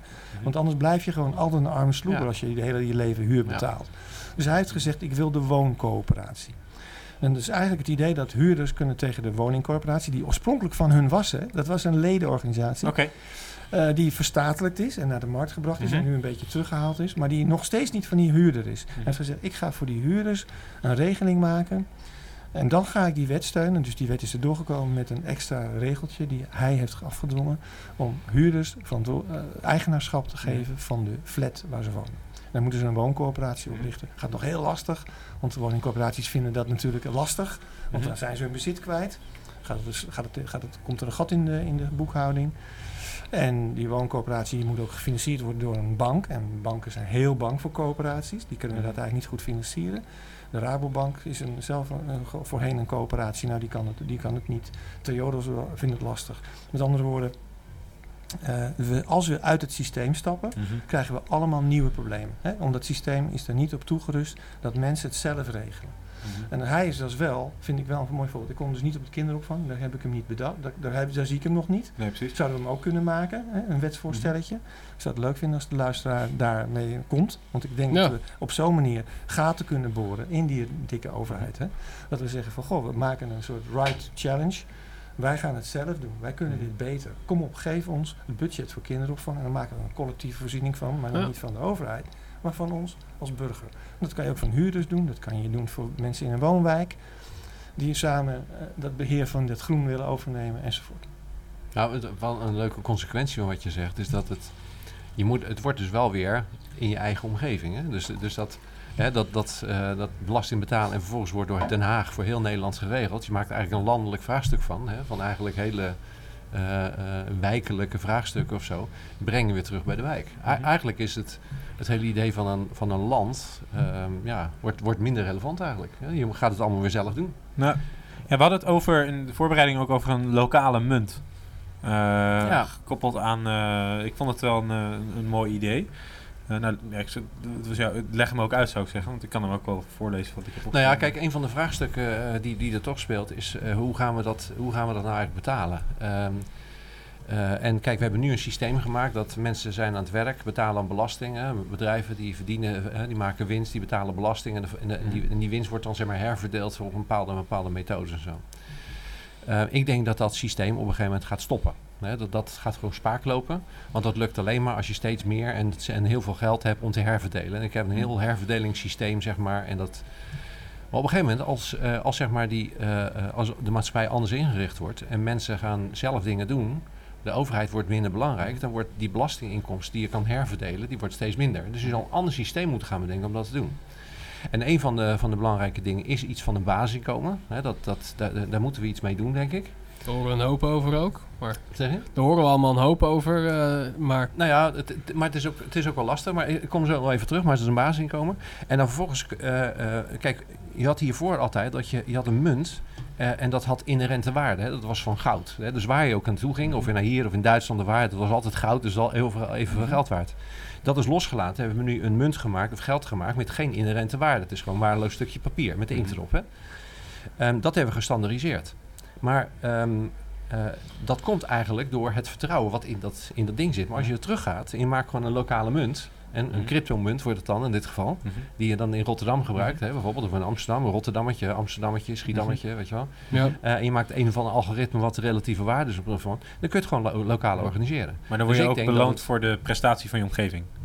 Ja. Omdat jij zit in een, bijvoorbeeld, stel, eh, uiteraard in dit voorbeeld ja. doet de Rotterdammer het beter dan de. Amsterdammer. Ja, ja, je hebt een bijdrage aan Rotterdam. En dat wordt uitbetaald in een Rotterdammetje. En dat Ja. kun je op de een of andere manier kun je Maar- dat kun je maar kun je die dan ook ergens anders uitgeven? Ja, die kun je gewoon... In, in Rotterdam kun je uitgeven, alles wat er op Maar aangesloten is. Nou, als wij met elkaar afspreken dat wij het Rotterdammetje gaan gebruiken, dan is niemand die zegt dat het niet kan. Hè? Nee. Dus dat kunnen we afspreken. En dan vervolgens, eh, iedereen die er aangesloten is, die, die kan in Rotterdammetje gebruiken. Nou, vervolgens gaat er een systeem komen, een of ander algoritme, om de relatieve waarde van de Rotterdammetje te gaan vergelijken met de relatieve waarde van de Amsterdammetje.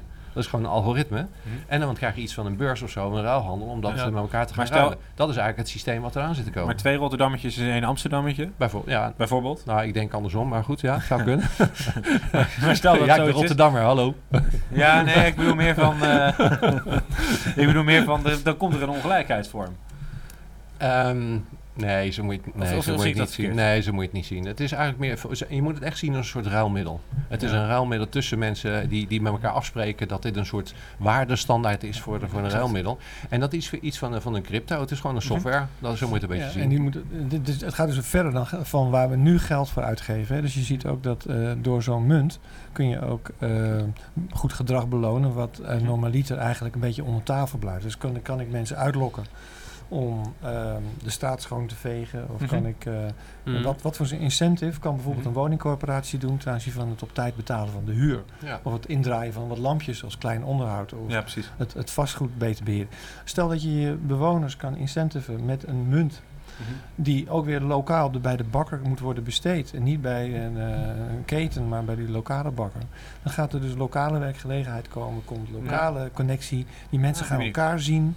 Dus je krijgt sociale waarde. Je krijgt lokale economische waarde die heel moeilijk anders te Maar stimuleren een ander, valt. ander voorbeeld. Maar ik heb een dochter van 19, eh, die, hè, die was er vorige keer ook bij. Ehm, die, die, die wil geld verdienen en dan gaat ze, nou ja, in dit geval de SS Rotterdam en dan gaat ze Mhm. dingen rondbrengen of zo. Maar als je een lokale munt hebt, je zegt van joh, er moet, moeten dingen, dingen gedaan worden. En je hebt een markt en zegt van joh, er moeten allerlei sociale dingen worden gedaan. Eh, nou, dan moet op kinderen, oh ik hou van kinderen, ik ga op kinderen Precies. passen. Dan Of ga je, huiswerklessen. dan ga je het onderling, ja, of zanglessen of gitaarlessen. En dan ga je het gewoon zo onderling het organiseren. en dan deze- maak je dus een lokale burgermaatschappij van. Deze lokale munt bestaat dan naast de bestaande munt, in dit Ja. geval dus de euro. Ja, precies. Oké, nee, ik, ik zag hem meer als vervanging van. Nou ja, Dus dat is Nee, mijn dat, denkfout dat, dan. ik eh. hoop dat dat uiteindelijk zal gebeuren, ja. Oh, dat ook. Nou ja, kijk, laten we wel wezen. eh, eh, de huidige, eh, het huidige monetair stelsel, zeg maar, is, is natuurlijk niet te handhaven. Dus ik bedoel, het is allemaal gebaseerd op vertrouwen. Eh, en, en, en waar zou je in vertrouwen? Dus het, dat valt een keer in elkaar. En Hè, er zijn we hebben- schulden. hè, er zijn alleen maar schulden. Het zijn, zijn alleen maar schulden. En, en eh, dus dat, dat bedoel dat. En dan hebben we weer een gaatje geboord in die, in die dikke, In die dikke Nou, overheid. ze- en, en Ja. de dikke markt. Hè? Maar- en die als ik dikke dat- markt. Is ook, Ook nog dat- heel interessant. De hele financiële sector is eigenlijk gewoon overheid. Ja. Na de crisis kan je gewoon zeggen dat het een gesubsidieerde sector is. Ja. Met de de redding van de financiële bank. sector is eh, gewoon een ja. door de overheid gefinancierde, gesubsidieerde sector. Nou, en dat vind ik een interessante observatie. Want Zonder je ziet eigenlijk in die financiële sector al een klein beetje wat er gebeurt in, eh, zeg maar op grotere schaal. Je ziet in de financiële sector zie je een, eigenlijk een groot verschil tussen eh, de, eh, de financiële bedrijven die eigenlijk onderdeel van de overheid worden, omdat ze het niet meer voor elkaar krijgen. Dus dan zie je eigenlijk meer onderdeel van de gemeenschap. Die is nu anders georganiseerd, maar je ziet die- dus gemeenschapsbanken gaan het worden. Die gaan dus een rol krijgen in, het, in, in de financiële huishouding van de gemeenschap. En je hebt een paar financiële instellingen die zitten erboven. Dat zijn de Goldman Sachs, dat zijn de hele grote bedrijven, die zitten op wereldschaal. mhm. En dat zie je in technologiebedrijven ook. Je hebt een paar van die technologiebedrijven die Mhm. zitten niet in Nederland, die zitten gewoon in de hele wereld. Want Mhm. ja, weet je, eh, die digitale wereld die trekt zich helemaal niks van landsgrenzen aan. Hè? Ik bedoel, Nee. ja, die, die gaan echt niet voor voetballen voor, voor Nederland of Duitsland of zo. Weet je wel? Dat heeft er, dus die zitten erboven. Dus je ziet een steeds kleinere elite van hele machtige techbedrijven en financiële instellingen die zeg maar die wereldeconomie aan, het- aan het runnen zijn. Mhm. Die betalen overigens niet zoveel belasting, want daar hebben ze ook algoritmes voor om te kijken waar ze gaan zitten. En Dus adres zijn- in Amsterdam. En, hè? En adres in Amsterdam. Ja, ook dat. ja. En, en, hè, dus, En maar, dat is, maar dat is helemaal los. En, daar, en daarnaast heb je dus die banken. Je kunt niet tussen de gemeenschap en die grote internationale gemeenschap in zitten. Het is of het een of het ander. En dat was, was vroeger anders. Want je had hele grote, je had middelgrote. Die had een hele, hele stratificatie van banken.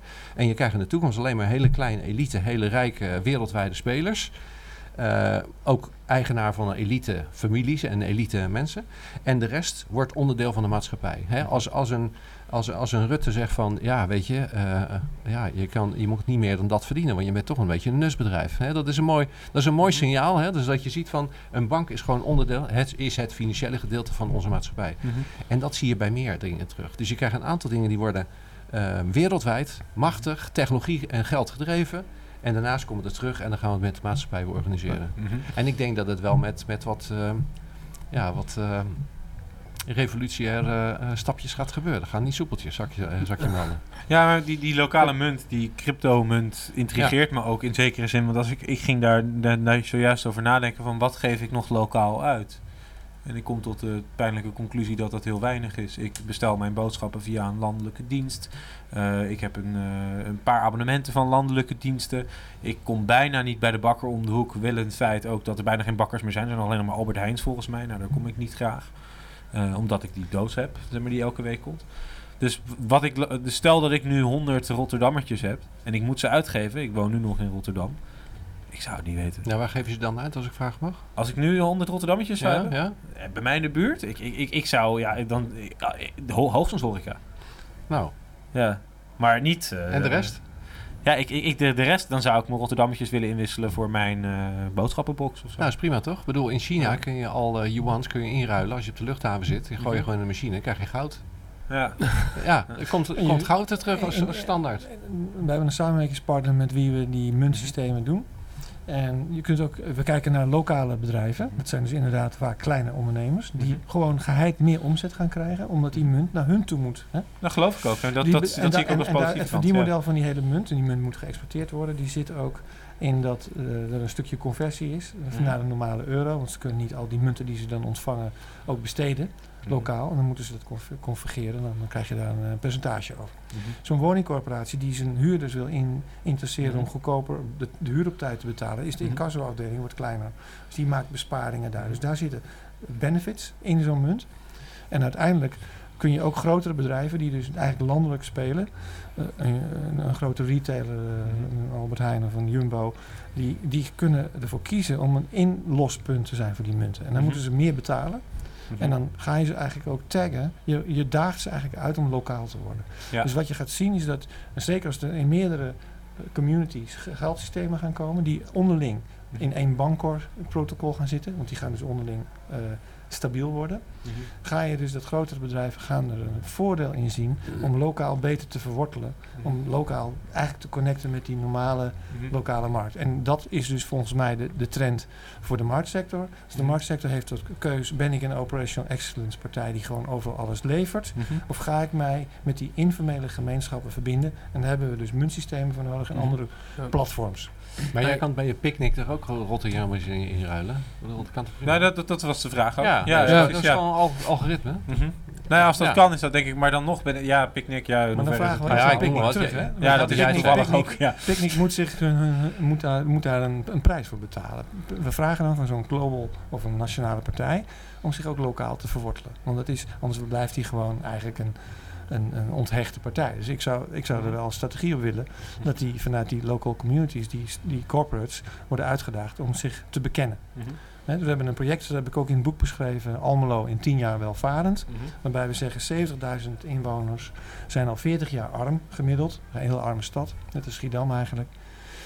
Eh, zouden we die 70.000 eh, mensen een collectieve inkoop kunnen regelen van alle kosten voor diensten die, ze, die niet in Almelo worden Ja. geproduceerd? Bijvoorbeeld te- telecom Mhm. of verzekeringen of eh, eh, energie.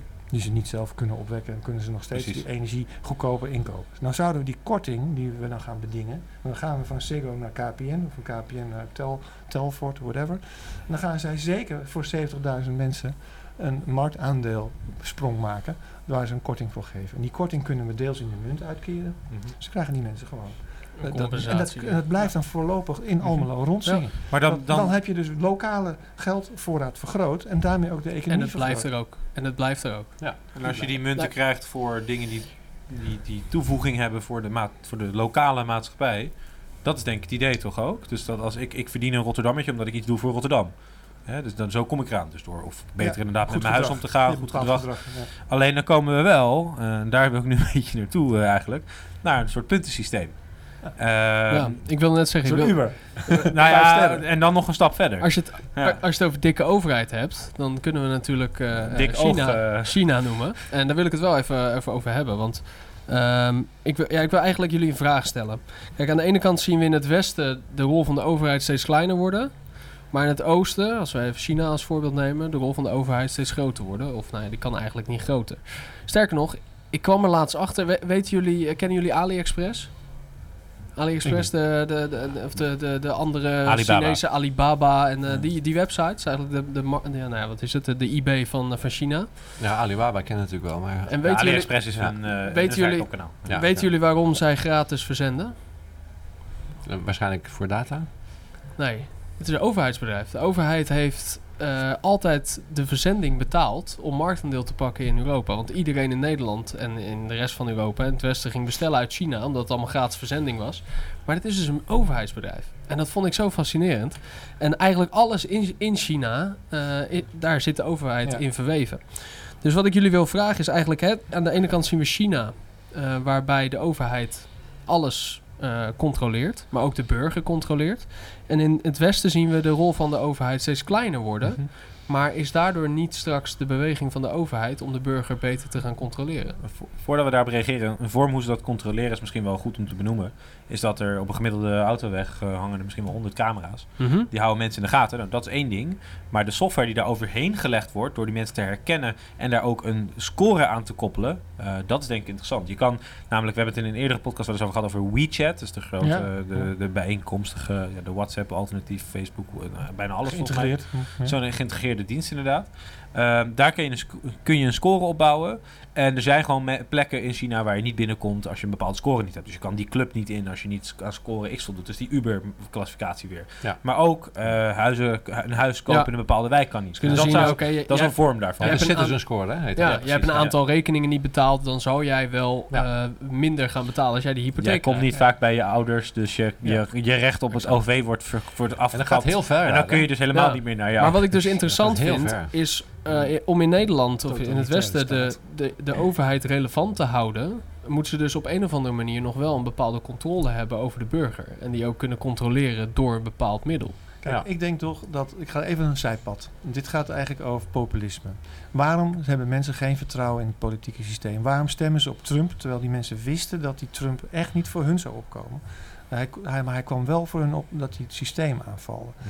Als jij een systeem maakt dat alleen maar jou wil controleren en je al die controle ook nog uitverkoopt aan private partijen die niet in jouw macht zitten. Nederland doet dat eh, met zijn technologie, hè, elk, elk westers land. Laat die vijf grote technologiebedrijven eigenlijk bepalen eh, wat wij, eh, eh, hoe, wij, hoe wij ons uitverkopen. Dat proeven mensen. En als je dan in een belmenu terechtkomt bij een Ziggo of bij een Mhm. KPN of bij een Telfort of welk ander groot bedrijf ook, voel jij je totaal verweest, je bent niet erkend.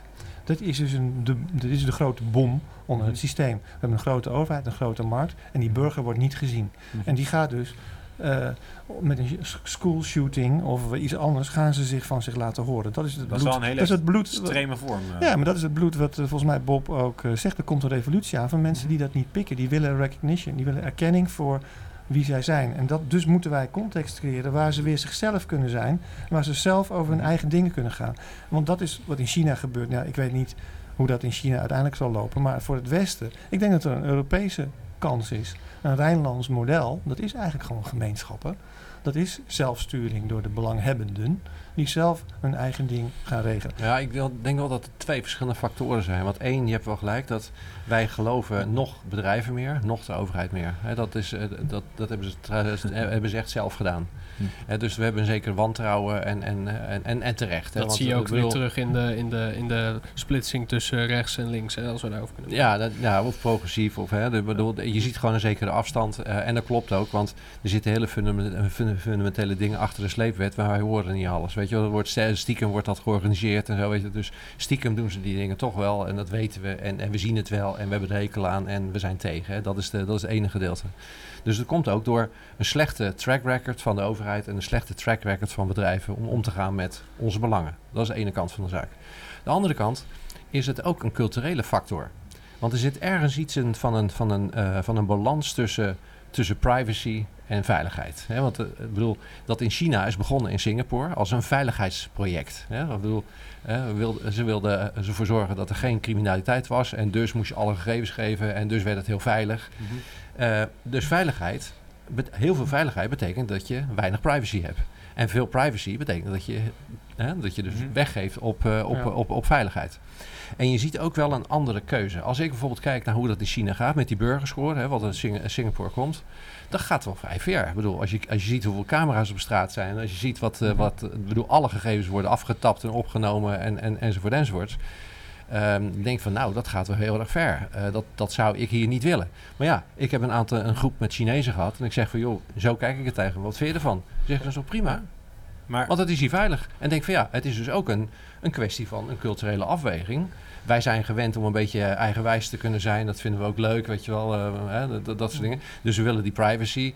Ja, en dat is een beetje onveilig. Nou, weet je. Dus er zit iets van een, van een, Ja. eh, iets van een trade-off, zeg maar. Tussen, is nog een- een, een alternatief. uitruil. er is nog een alternatief. Want misschien is al- alles natuurlijk eh, specie- in een casu- casuïstiek bepaald. Maar Estland, hè, die heeft dus een hele, die is de- het meest digitale land. het, willen ze het zogenaamde e-citizenship. Exact, eh, exact. En, Ja. dat- en dan hebben ze een systeem onder waarbij eigenlijk de privacy van jezelf.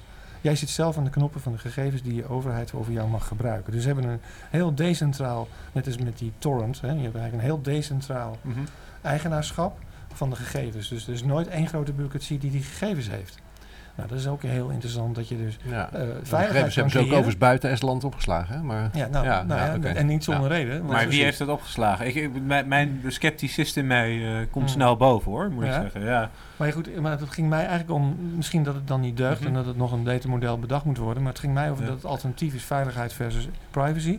Maar dat je dus eh, eigenaarschap van de gegevens ook decentraal kan maken. En, Ja. dat mensen, en daarmee het heel moeilijk is voor een, voor een overheerser om die gegevens ja, doen- permanent... ja, maar daar- doen ze het ook. Hè? Omdat ze bang zijn Ja, dat die Russen weer komen. En Dus daar kan, eh, ik zal maar noemen, de blockchain natuurlijk heel goed Ja, bij dat helpen. is de blockchain, het ja. vertrouwen, het ver- een, een vertrouwens eh, ja, ding die je hebt, Ja. eh, verdelen in een, in een chain Ja. van mensen die allemaal hetzelfde hebben. Ja, maar dat is ook weer een, dat is weer een horizontale chain. Hè? Dat is natuurlijk weer. hè. Dus decentraal. Het is horizontaal georganiseerd. Ja. Maar stel ik, eh, eh, mijn, mijn, da- eh, weet ik het, eh, mijn belastingdata zit in die Ja. chain. Ja. En ik kies ervoor om dat niet op te geven, want daar haal ik echt een heel positief res- resultaat ja, ja, uit. ja, dat gaat dus niet. Dat kan niet, want dan Nee. moet ik verplicht worden. Maar als ik het Ja. dan niet doe, Ja. ben ik dan, weet je, dat is dan, Nou ja, dan word je alsnog geforceerd, zeg maar. Exact. Nou, dat is nou precies wat er gebeurt. En daarom is het een politieke keuze hoe je dat inricht. Hè? Dus als je het zo Ja. inricht dat jij alleen maar over je gegevens kan en de, en de belastingheffende dienst, Mhm. want anders komen ja, ze echt bij jou thuis. jij zegt politieke keuze. Hè? Ik laat dit niet aan politi- politici over. Nee, dat, Spijt nee, me maar het is, nee, maar het is een maats- nou, laat Dat ik wil het ik lekker zelf bepalen. politieke keuze. Dat is precies jouw, je- het, is, het is jouw politieke mening om zelf in controle te willen zijn over je gegevens. Dat hebben ze in Estland ook bedacht voor hun eigen burgers. En wij hebben daar nog een nationale eenheidsstaat. Hè. Maar ik, dat is precies wat dus politiek is. Dat jij jouw verlangen eh, zelf kan organiseren. En dat je dit ook gaat, gaat, kan gaan eh, eh, afdwingen eigenlijk. Op, Ja, op maar dan moet- moeten politici weer doen wat wij vinden en niet andersom. Exact, Ja? exact. Dus dat, en dat is, dat is een groot ding hoor. Maar wij in Schiedam is anders dan in eh Meppel. En stel dat ik eh, in Schiedam de mening heb dat we eh, de Meppel. camera's... eh, sorry? Nee, Meppel, ja mooi. Ja, sorry, ik weet ik, ik moest even iets bedenken. Eh, dat we de cameradata zo China gaan gebruiken. Dat vind ik. Met- mijn eh, lokale commune van, eh, van andere Schiedammers. Eh, maar Meppel vinden ze dat niet. Als dan een, wat ben je dan, een Meppelaar? Denk je het? En als een Meppelse dan in, in Schiedam komt, ja, dan moet hij zich wel aanpassen. dat is... Ja. Vraagteken. Ja, ja, zo hoort dat, ja. Ja, ik denk dat er, dat, daar gaat er natuurlijk een soort, ook weer een soort eh, Mhm. eh, belangen eh, uitruil komen. Wat, wat iemand dan weer bedenkt van nou dat heb ik wel een, een foefje op bedacht. Dat gaat vast wel. Net, net als met oude, oude, in de middeleeuwen waren er ook allemaal eigen, eigenstandige domeinen. En die konden uiteindelijk Ja, ook met Maar elkaar. krijgen we dan niet een soort microtechnocratie of zo? Ja, ik probeer nu even eh, te bedenken, wat is dit? Eh, waar gaan we naartoe? Want, eh, de- en dat, dan, Nou ja, kijk, men, men, men willen, wij willen af van die grote systemen, van die grote vijf tech. Daar willen we van af. Wij willen in controle zijn over Ja. onszelf. Dat willen we richting de overheid en dat willen we richting de economie, de Mhm. grote tech. En daar moeten dus, en er zijn genoeg, de, de Bits of Freedom mensen, de Mhm. Waag Society, het zijn allemaal partijen die proberen die decentrale politieke keuze van Bob te faciliteren. Ja, ik vond, en, en daar zijn ze gewoon mee bezig. Ja. Ze gaan eigenlijk gewoon een nieuw Facebook maken. Ze gaan een nieuw Hm. eh, WhatsApp maken. Ze gaan alle dingen waar je je hebt uitverkocht, zijn zij bezig om daar terrein Nou, voor terug te winnen. ik, ik vond de Waag Society, dat is één heel mooi voorbeeld. En dat is eigenlijk vooral omdat ik bij een bedrijf heb gewerkt die daar toch wel mee te maken heeft. Dus ik wist er iets meer van. Dat was de slimme meter. Ja. Dus die slimme meter wordt bij jou thuis eh, opgehangen. Ja. Eh, die doet een aantal dingen die, eh, nou, die je niet kunt controleren. Ik citeer eh, jou in dit geval. Ja. Ehm, en dat is een voorziening die niet de gemeenschap eh, dient, maar misbruikt. Want, eh, je weet niet wat er van jou wordt opgeslagen. Mhm. Je weet niet wat ze ermee doen. Zij hebben het, eh, een, een dogma, if you cannot open it, you don't own it. Hè? Dus zij hebben dus eigenlijk een soort chipje in je huis geplant... Ja. waarbij zij bekijken wie, wat jij aan het doen bent. Aan energieverbruik dan, in zekere Ja, ja, precies. omdat je weet allemaal niet precies wat... ik sprak laatst een opsporingsdienst. die zeggen van ja, de technologie maakt het mogelijk voor ons... om precies te bepalen hoeveel mensen er in een huis zitten. Ja. Dat klopt. Ja. En, Ja. Maar volgens de opsporingswet mag dat niet. Nee. Maar Ja. we weten het wel. Ja. Ja. Heel interessant. Maar nu weer wel, toch? Eh, met, eh, met de WIF. Ja, dat zou kunnen. Ik heb trouwens nog een ander leuk... Eh, we weten het niet. Eh, Als we het trouwens over beslissingen hebben, dan vraag ik me ook wel eens af van ja, wie bepaalt zeg maar eh, zo'n slimme meter dat dat een goed idee was? Want je ziet nu dat die slimme meter een heel groot probleem heeft, want die draaien allemaal op GSM. Nou ja, ik weet niet of je een beetje door hebt wat 5G aan het doen is, maar de frequentie van GSM die is weg over vijf jaar of tien jaar. Ja. Misschien vijf jaar, tien jaar niet eens, twee misschien tot vijf. Dat ding moet 30 jaar meegaan. Hoe lang, hangt hij er nu? Vijf of tien? Mhm. Dit is een gat, een enorm gat van kosten. Waar we straks als samenleving onder gaan. Dit is trouwens gewoon serieus waar. Hè? Dit is niet dat ik dit zomaar even verzin. Nee. Dit is gewoon, dit is gewoon de, de, de, de, de situatie. Maar ik vind eigenlijk oneerlijk dat ik nu... Ik heb nooit een rol gehad in die beslissing. Precies. En ik is ook eh, eh, iemand die er heel veel verstand van heeft. Dat- en dat had kunnen voorzien. Dus is, voorzien. dat is volgens mij ook een punt dat we, als wij eh, eigen, de, de burger meer eigenaar willen laten zijn van, hun, van zijn omgeving, dan moeten die systemen die nu top-down bedenken dat Ja. deze meter Ja. gesloten in jouw huis wordt gepropt. Want deze technologie, die volgens de huidige businessmodellen dan nog zouden kunnen, dat is allemaal bedacht vanuit een, eh, vanuit een top-down Ja. eh, distributiedenken. En, Precies. en, en we moeten juist decentraal productie denken. Maar mij, ik, ik, ik wil het zoals eh, Thomas Rauw ook zegt. Hè, light, met Philips Lighting had hij... je, Ja. je nam geen lamp af, maar een, een, een Licht. Of een licht. Eh, dat had ook met, met eh, volgens mij is KPN de partner bij de slimme meter. Eh, die hadden gewoon moeten zeggen, ja, we willen connectie van jou kopen. En dan had hij echt wel een andere chip bedacht hoor. Want dan had hij inderdaad had hij het probleem gehad. Ja, of KPN werd, Ja. was nu klaar. Eh, maar dat, dat is het probleem. En dat zie ik dus ook met andere, met andere punten zie ik dat opkomen. Dat ik denk van ja, weet je, als ik, ik denk als je dat omdraait, dat er dan een heel andere situatie komt. Waar we het ook net over hadden, bijvoorbeeld met, eh, met eh, de afvalstoffenheffing. Het is fijn dat ze in Schiedam in ieder geval een inwoner hebben die dit wel ziet. Ja, dus jij bent wel de Schiedam- Nee, eh, serieus, daar maar- straks. Nou, als ik moet hebt- misschien die lokale commune gaan Exact. opzetten inderdaad. Ja, misschien bu- burgemeester worden. ja. In eh, Schiedam? Ja, nou, ik- dan zal, ik er voor zal er een verjonging zijn van eh, 130 jaar volgens mij eh, met de huidige burgemeester. Maar dat mag ik niet zeggen. Hey, om een beetje toe te werken naar het einde. Eh, je zit nu te luisteren en je hebt zoiets van... Ja, ik, ik, ik- ik- mijn hoofd ontploft. Ik heb van alles gehoord. Ehm, maar waar begin ik dan? Waar, waar begin ik zelf het heft in handen te nemen? Nou, mag ik daar, op, voordat, want ik denk dat jullie zitten hier. Ik denk dat als wij er eerst op reageren dat het misschien wel leuk is. ja, En dan is het, het slotwoord aan, Ja, eh, aan jullie. Eh, wat ik zie bijvoorbeeld, ik, ik vind O-Bike een heel mooi voorbeeld. Die hebben gewoon bedacht, eh, we willen een leenfiets introduceren. De wet staat toe dat je een fiets neerlegt. Dus wij gooien gewoon, de openbare ruimte is onze stalling. Wij gooien allemaal fietsen neer en mensen bepalen zelf wel of het wat is. Vervolgens zijn er twee dingen gebeurd. Enerzijds zag je dat, me- dat de overheid zei, ja, dat kan echt niet. En we gaan zoeken om een manier om dit te verbieden. Dat vond ik absurd. Dat ik denk van, ja, we- dan ga je eerst bedenken dat mag en vervolgens ga je denken hoe het moet verbieden. Maar wat ik wel grappig vond, en dat vond ik echt heel grappig, eh, in bepaalde wijken, en ik, eh, vooral de duurdere wijken met mensen met mooie huizen, die hebben die fietsen gewoon in de plomp gegooid. Zo van, ja, jij komt hier een eh, fiets neerzetten, ben je helemaal mal, we halen ze wel weg. Of op daken gezet, et cetera, om het gewoon onmogelijk te maken dat die, dat die, dat die, dat die industrie Ja. toekomt. En dan denk ik bij mezelf, ja, als je een vestigingsklimaat zo overneemt dat je denkt van ja, ik, ik zet hier mijn fietsen neer. En iemand denkt van ja, dit is geen goed idee. En dan wordt dat op die manier opgelost. En dat vond ik eigenlijk wel een hele mooie manier. ja, of dat de manier is, eh, is een tweede natuurlijk. Nou, dat vond ik wel de manier. Als ik, als jij, ik, ik vind ook altijd zo mooi dat mensen bijvoorbeeld bordjes goed, op hun deur hangen. dan moet er dus een je- vrachtwagen nee, komen, takelwagen, om die, om die, eh, die, eh, de- die fiets uit de sloot te halen. Die Kost weer- 2000 mensen die wij kost weer gelegenheid uitlaat. eh, nodig hebben, kunnen het omsmelten tot iets beters. Ja, dus uitlaatgassen. Er moet weer een eh, vrachtwagen, oude diesel het centrum in. Die mag er niet eens meer in, want die wordt gescand aan het begin van, eh, van Rotterdam. Ja. Dus ja, hoe gaan we dat doen? Nee, Nee, nee, ik- maar- ja, maar ik- Nee, als ik, wat ik ook wil zeggen, Nee. bijvoorbeeld zo, nee, maar zo'n, eh, eh, eh, wat wou ik nou zeggen? Ja, haalt me een beetje uit mijn, uit mijn, mijn model. Nou, laat, laat ik iets over zeggen. Ik, ik denk dat het een heel goed voorbeeld is. Want het gaat echt met, eh, op een revolutionaire manier gaat het gebeuren. Waar, waar ik naar kijk, hè, waar, waar ik die initiatieven dat zijn die... eh, en vroeger had je bedrijven die gingen winst maken. Hè, dat was het idee van, van bedrijf. En dan zie je steeds meer dat, dat een groot deel van de start-ups... dat zijn ja, eh, maatschappelijk verantwoorde ondernemingen, zouden De. Maar- MVO's. nou ja, maar het zijn gewoon be- bedrijven die zeggen van nou weet je, ik wil gewoon eh bij Je ziet eigenlijk al iets van initiatief ontstaan, ofwel van ondernemers, ofwel van burgers en zo. En die gaan gewoon een beetje, eh, ja, die, die gaan een cloud worden, daar gaat, daar gaat een beetje macht ga- gaat het worden.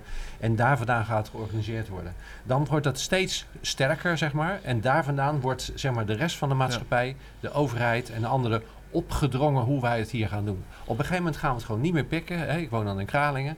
Ehm, wij kunnen het best, best aardig organiseren.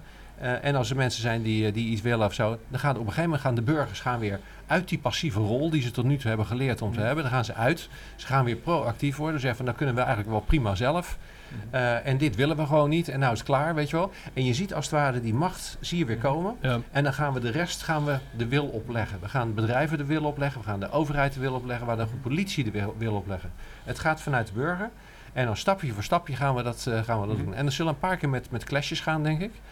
Maar ik vind het heel mooi dat je naar die ondernemers kijkt. Dat vind ik echt heel mooi Ik sluit me daar ook wel Maar volledig bij aan hoor, met, eh, met, die, eh, met die social ventures. Eh, we hebben. Ik heb toevallig een video gemaakt voor de opening van de Nexus Global Conferentie. Die was deze week en daar komen hele rijke kinderen van hele rijke ouders, maar die wel wat goeds met hun geld willen doen. Dus dat was een filantropische eh, eh, bijeenkomst En in waar heb je Rotterdam. aan Ja, prima, uh, toch? gedoneerd? eh, Nou, nee, we hebben een video gemaakt over het maatschappelijke ondernemingen in Rotterdam. Zoals een heilige boontjes, een brood nodig. die Precies, bijvoorbeeld ja, dat zijn broodafval. waar ik hè? het over had. Ja. Eh, dat, dat, daar moet het beginnen. Bij die creatieve ondernemers gaat die op een andere manier eh, ondernemen en ook ondernemen met normen en waarden. Daar gaat het beginnen. En, en eigenlijk is het al zo bij die ondernemingen, als je zegt van ik wil rijk worden, dan denk je van nou wat een zielig ben jij zeg. Ja, Weet je wel? Ja. maar dat is gewoon een mentaliteitsverandering. Als die mentaliteitsverandering een beetje, een beetje basis krijgt, dan, ga- dan gaan, daar vandaan gaat het organiseren. En er zijn allerlei partijen tegen, die gaan tegenstribbelen. En politici gaan zeggen, je moet naar mij luisteren. En bedrijven zeggen, je moet wij dingen kopen. En de overheid, ik bedoel... En op een gegeven moment gaat er gewoon een strijd komen en dan, is het, en dan ben ik benieuwd wat Nou, maar die strijd vind ik wel interessant. Want ik merk nu dat eh, er was een zogenaamd burgerparticipatietraject voor de herinrichting van de straat. En toen zei de overheid, u bent zeker een stakeholder. En ik, stakeholder? ik ben de eigenaar man van die straat, samen met die mensen hier achter mij. Wie ben jij dan? Jij bent misschien een stakeholder, want jij moet het hoogstens organiseren. Wat is dit voor ongein? En, en dat is mijn mening. Maar als ik dat zeg, staan echt mensen achter mij van... Wie, wie, wie- haal die jongen weg, haal die gek weg. Ga, laat hem weghalen. Dit, is Nee, te- maar je, dit wordt maar je ziet hier een heel mooi, mooi verschil. Dat zie je bij, in mijn straat ook. Tussen de mensen die nog in de jaren 60, 70 zijn opgegroeid en die, hè, die socialisme en zo, die denken nog steeds Ja. zo en die vinden de overheid prima. En die jongeren, die, die, die geloven er al lang niet meer in. Je ziet gewoon echt een generatie. En ik hoor, ik hoor uiteraard, zoals je weet, bij, de- bij de jongeren.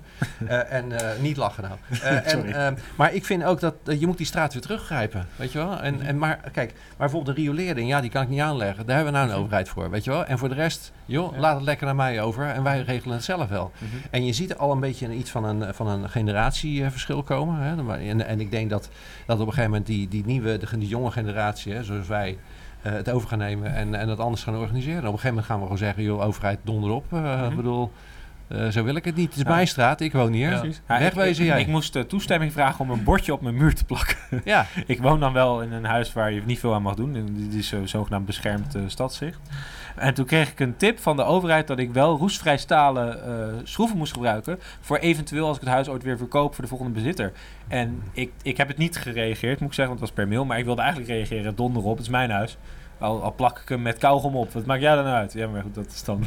Maar eh, op een of andere manier, ik, ik voel ook totaal, en dat vind ik ook grappig, want ook in het universitaire bestaan, ik merk, ik heb nu bijvoorbeeld een discussie met mijn professor, omdat zij vindt dat ik niet constructieve mails naar haar stuur. En dan denk ik bij mezelf, hoe, hoezo moet ik constructieve mails naar jou sturen? Ik wil wat van jou, jij wilt van mij. Ik bedoel, dit, ik, het is misschien wel vriendelijker van mij als ik dat zou doen. Maar ik vind, ik zie ook niet in waarom, eh, ik, op, ik meen oprecht, ik zie oprecht niet in waarom ik anders ben in een rol. Ik ben niet minder dan de meneer die toevallig over de, de, de, de verordening gaat van de, Ja. van, de, van, Fijn. van de bordjes aan de muur. Die, die radicale, zelfbewuste houding van jou, hè, die zien we eh, gelukkig opkomen. Ik denk dat dat inderdaad ook heel duidelijk een generatie-issue is. Ja. Dat dus ook we daar ook vertrouwen in kunnen hebben dat dat zeker ste- steeds beter gaat, gaat eh, ontwikkelen. En met al die maatschappelijke oriëntatie gaat dat dus ook gewoon heel goed worden. Het pijnlijk is dat die persoon die jou nog bevoogdend toestuurt, dus toespreekt als stakeholder, dat heeft hij geleerd omdat het stakeholder management eh, cursus Ja. heeft gedaan. Ja. Maar hij heeft Wij- dus eigenlijk helemaal niet. eh, wij doen dat ook. En het is inderdaad zo dat bijvoorbeeld de hele Tweede Maasvlakte eh, inderdaad door de Raad van State is goedgekeurd, het hele bestemmingsplan, dankzij een hele goede behandeling van Van de stakeholders, ja. Exact. dus dus daar, daar kan je goed werk mee doen. Zeker voor grote projecten die, die, Nee, die, die, die het individu overstijgen. Als het gaat over riool of over een haven enzovoort. Ja Maar het punt is dat burgers eh, daar nog steeds als cliënt of als onderdaan worden bekeken. Ja. Of als marktcliënt of als onderdaan. Mhm. Terwijl jij al lang in Ja. het productieve spectrum zit. Zo is Jij het. zegt, ik wil producent worden van mijn eigen omgeving. Geef mij de tools en anders eh, ga ik die halen. En dat doe je nog niet met hele nare dingen, alleen maar met een beetje moeilijke opgestelde mails. Waardoor je misschien wat korselige reacties krijgt. Dat systeem gaat jou lange tijd eh, verve- als vervelend zien. Dus we moeten daar ook taal in ontwikkelen. Wij noemen dat eh, ook onaf. Hè. Ambtenaren denken altijd in smart. En dan is het op een bepaald moment klaar. Maar we moeten eigenlijk denken in onaf. Onaf staat voor open, netwerk, eh, aansprekend en flexibel. Hè? Dus je gaat niet dingen afmaken. Jij bent in een proces van jouw straat en nu ga je dat, dat, dat, dat plaatje op je muur schroeven met kauwgom of, of, of met een roestvrij staal. Dat is jouw keus. En het, daarna verandert het weer. Het is nooit af. En eigenlijk kunnen systemen helemaal niet denken in termen van onaf. Mhm. Nou, dat zijn dus talen. Dat probeer ik ook in mijn, eh, in mijn werk te doen met leiders. Dat je zegt van jongens, denk niet in termen van eindtermen, denk in termen van processen. Waarbij je eigenlijk meebeweegt met je omgeving. Nou, en dat als organisaties dat kunnen doen, dat zie ik ook. Hè. Dat zie je in de jeugdzorg met heel informele vormen van hulpverlening. Dat die professional eigenlijk zichzelf opheft en de, de, de, de cliënt samen met een zogenaamde de JIM-aanpak, je eigen informele mentor, een, een cliënt eigenlijk zijn eigen hulpverlening gaat organiseren. Mag, mag, ik, mag ik het nog een iets revolutionairder formuleren? Ik denk dat met name jongeren, hè, met name jongeren, eh, op een gegeven moment, eh, ik, ik zou het niet gek vinden als ze zeggen van nou, nou is het een beetje klaar. Weet je wel? We gaan nou eens een beetje anders organiseren. Hè? We hebben het nou geprobeerd met die, met die grote overheid en zo. Het is gewoon niet gelukt. Klaar, eh, klaar met jullie. We gaan het nou anders organiseren. En, en dat is gewoon de, de energie eh, gebruiken en Ja. de openheid gebruiken om het anders te organiseren. En ook een rol erin gaan spelen. Volgens mij zijn jongeren nu veel eerder volwassen en, en, en, en klaar om dit te doen. Hè? Anders dan denk vroeger, ook, denk ik. Ehm, de tool is zijn er. en, en Ja. bedoel, de, techn- de technologie Alles is er, is er. Al, alles is er. Bedoel, vroeger kon het niet en nu kan het allemaal wel. Ehm, eh, de ouderen die snappen die technologie sowieso al niet meer. Dus, eh, dus pak, pak die rol en doe er wat aan, weet Ja. je wel. En, en pak het gewoon op en laat het dan anders gaan organiseren. Ook Ja. als ondernemer, hè, sociale ondernemers. Maar ook eh, in onze eigen straat en eigen dingen en zo. En wat je zegt, ga dat ding gewoon niet met roestvrij staal binnen en, en ga gewoon zelf lopen nadenken. Ja, dat kan, En- dat, en zeg dat- tegen de overheid, wel, joh. denk ik, ja. Joh, ga jij lekker van het bureautje af, eh, weet je wel. Mhm. Maar, maar pak het op, want Mhm. weet je, die revolutie gaat komen. En ik heb liever dat die revolutie van jongeren komt dan, eh, Maar- dan bij Ah, de staatsmachtshebbers. Mag Ik vind het mooi dat we, dat we in ieder geval al een aantal concrete voorbeelden hebben gehad. Hè, zoals eh, wat jij wat in de straat doet en zo'n broodfonds. Hè, we zien heel veel dingen al wel gebeuren. Heel veel. Sociale ondernemingen. Maar Sociale ik- on- ik- ondernemingen. Je hebt, je hebt het over de, over de kringloopwinkel. Vind ik echt een goed voorbeeld hoe, hoe het zou moeten. Ehm, en, maar ook scholen kun je zo organiseren. Nou, nou eh, zorg, dat wordt sowieso allemaal technologie. Hè? Die hebben geen mensen meer nodig ook binnenkort. Dus eh, ik bedoel, je kan het allemaal anders. eh, en laten we het dan maar pakken. Want die revolutie gaat toch komen. Ja. Maar mag ik nog één vraag stellen? Want je zegt radicaal anders omgaan, nieuwe systemen, et cetera. Eh, ik wil niemand woorden in de mond leggen, maar ik, hoor ik een variant op einde van het partijkartel. Eh, we moeten eh, de burger meer eh, democratie teruggeven. Dat- wat ik, even, nou- los van, even los van, ik, ik citeer natuurlijk Baudet, maar Ja. de- los van hem of niet, het is wel een, dat is denk ik wel een, nieuw, een onderdeel van een nieuwe stroming wellicht. Maar of hij dat ziet dat je is. daarop kan scoren. Eh, of, is dat zo of scoort Nee, hij gewoon met de inhoud? Dat nou, is- kijk, nou. ik, nou, ik, kijk, het deelt, kijk ik, eh, ik ken eh, de, de dingen van Baudet niet, want ik ben niet zo politiek geëngageerd. Ik weet niet wat ze zeggen. Ik probeer voor mezelf te denken. Ik denk dat uiteindelijk zie je maatschappij veranderen. Als, Mhm. als we het initiatief nemen een andere maatschappij te maken, een horizontaal georganiseerde maatschappij met technologie en meer sociale samenhang, zeg maar, dan kan dat. Ja, we Mhm. kunnen dat anders organiseren. Dus langzamerhand zullen allerlei partijen meegaan. Hè, dat als je in een bepaalde stroom gaat, gaat het gebeuren. De laatste die dat gaat doen en degene die niet meegaat, Mhm. dat is de politieke top. Die gaat gewoon niet mee. Want ik bedoel, dat is nooit gebeurd. Bedoel, eh, Nee. Ook uit, die, uit, die, in- eh, uit de agrarische periode. Iedereen die dacht van nou, we gaan het inderdaad anders organiseren. Behalve natuurlijk degene die nog steeds in dat kasteel zat. En die moest onthoofd worden. Ik bedoel, Ja, maar het is altijd geweest dat Maar de, grootste ziet- top die moest eraf gehakt wat je nu worden. ziet en dat, dat- is hier ook zo. dat die populisten die eh, denken, eh, Wilders, Baudet, eigenlijk, en de SP was vroeger ook een soort disruptor. Dat zijn partijen die zeggen, wij moeten het van de overheid hebben. De overheid moet het anders regelen. Die moet afdwingen Mhm. dat er geen moskeeën komen. En dat je huisbezoek krijgt, dat de Koran niet eh, gelezen wordt. of Dat dingen, ja. Dus je ziet dus dat daar een soort top, top stuk topstrategie komt op, de, op topniveau om dat af te dwingen. Hè?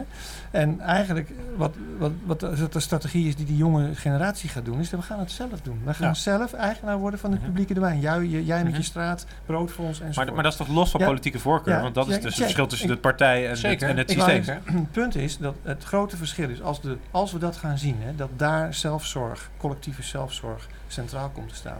Die mensen gaan niet populistisch worden, want die zijn zelf eigenaar van het publieke domein, wat ze zelf beheren. Die gaan niet schelden op de overheid, want ze zijn zelf eigenaar Ja. van. Dus dan ga je... Dan haal je, de, oplossen. dan haal je de wortel van die ergernis die nu bij die burgers zit, waarom ze populisten, populistisch stemmen, haal je weg. En dat snappen de zittende partijen nog niet. Nou, misschien nog iets over dat populisme. Want kijk, we hebben nu een politiek systeem waar je met partijen gaat doen. Nou, die partijen moeten onderuit gehaald worden. Maar als je in het huidige partijstelsel verschil wil maken, moet je een partij oprichten, toch? Ja. Dus dat is de enige manier dat te doen. Dus er wordt een partij opgericht voor iemand die ook niet weet hoe het wel moet, maar hij weet wel dat hij heel machtig wil worden en dat, dat hij via een partij zeg maar macht kan krijgen. En dat is wat er gebeurt. Dus je moet een beetje meta kijken, denk ik. Ehm, het zijn mensen die voelen gewoon dat er iets aan de hand is. Ze stappen erin. Ze denken van nou, dat is een opportunity voor mij of zo. Ehm, maar zij gaan niet de antwoord worden. Weet je wel? Het is, maar het is wel zeg maar, een, een soort leverage. Hè? Zeg maar, het is wel de factor die ervoor zorgt dat er onrust gaat ontstaan. Precies. Dat er iets gaat breken. Hun rol is niet om te bouwen. Om iets, nieuw, om iets te bouwen. Ja. Hun rol is om het te breken. Dat, is de, dat is de rol in dat systeem. En dat moet je gewoon respecteren. Ik bedoel, ik vind die mensen ook niet leuk, maar je hebt ze gewoon nodig. Want Mhm. die gasten die er zitten, die gaan het echt niet zelf doen hoor. Die zeggen van nou, wij volgens mij is onze rol wel uitgespeeld. Natuurlijk gaan ze dat niet zeggen. Nee, dus je hebt zo'n soort eh, figuur nodig om eerst Mhm. systeem onderuit te schoppen. En, ja, en, wat wij en dan kunnen- nieuws te bouwen. En wat wij doen in, die, in deze podcast, Ja. hopelijk, en in het boek, is dat we eigenlijk eh, eh, perspectief schetsen voor hoe je dat kan doen in je dagelijkse leven. Als jij ondernemer bent of als jij in een grote bureaucratie bent, kan je het ook doen. Je kunt ook intrapreneur zijn. Je kan ook Mhm. kijken van hoe maak ik de klant niet een stakeholder, maar hoe ga ik met de klant een echte dialoog aan. En, dat, en dit is eigenlijk een, een holistische strategie die eigenlijk op alle fronten tegelijk gebeurt. En, dat, en daar maak, daarom heb ik er heel veel vertrouwen in. Want het gaat gewoon, gewo- gewoon gebeuren. Alleen het is, ja, er zal, zal af en toe zo'n een grote aardverschuiving komen en een beetje bloed vergieten. Ja, dat gaat En dat- Maar hopelijk, dat is- hopelijk geen dan eh, echte onthoofding met een guillotine meer. Nee. Zullen, Nee, zullen, we, maar- daar, eh, zullen we hem daarmee eh, Nou ja, maar het is wel lastig. Want ik, ik, om, eh, de discussie die je hebt is zeg maar... ik, ik, het is eigenlijk een nee, die op Jan vraag. Ja? De, de discussie die je hebt is natuurlijk dat je dan op een gegeven moment krijgt van ja, de partij A, de gevestigde partij zegt ik ga betere zorg voor jou regelen. En partij B zegt nee hoor, ik hou heel de zorg weg, zoek het mezelf uit. Zeg maar even plat geslagen, hè? even populistisch ook gesteld. Ja, en ik zeg dan van, eh, daar ga je niet meer over. Veel plezier verder. Ja, bijvoorbeeld. Ja. en Het is wel, het is, maar het is wel Ja. een ander verhaal. Maar we kunnen het toch zelf regelen? Als wij Ja, nou met z'n allen zeggen, we gaan het vanaf nu anders Het is regelen. eigenlijk een verzekering. Ja, we gaan het gewoon zelf een verzekering Precies. oprichten. Een onderling heet dat. En we gaan zelf eh, gaan we ervoor zorgen dat, eh, dat we een beetje werk gaan organiseren. En we gaan dingen verdelen We en halen zo. een paar dokters bij. En, de- en die eh, betalen we niet via ton, maar gewoon Nee. twee ton. Of Ja. eh. Ja, eh, of, of in Rotterdammetjes. En eh, weet je wel. En, en we gaan het gewoon weer zelf doen. Why not? En, en laten we ook niet vergeten, energie. We kunnen natuurlijk, dat is ook zo'n mooi voorbeeld. We kunnen gewoon zelf energie opwekken. Die kunnen we dan zelf besteden. We kunnen er zelf cryptos van maken. Dat noemen we een Rotterdammetje. En we hebben die hele overheid niet meer nodig. Nou ja, dat zie je nu al gebeuren door techniek. Ja. Eh, hè, de, de, de batterijen voor thuis en de zonnepanelen op het dak. Dat is toch geweldig. Dus laat Ja. deze podcast begin zijn van een beweging onder De- jongeren om een andere maatschappij te bouwen. En allemaal lange neus trekken tegen die grote. grote De wereld van morgen- mooie, eh, De wereld van morgen is een mooie partijnaam. Eh, ehm, ik steun, ik ja, voor. Ja.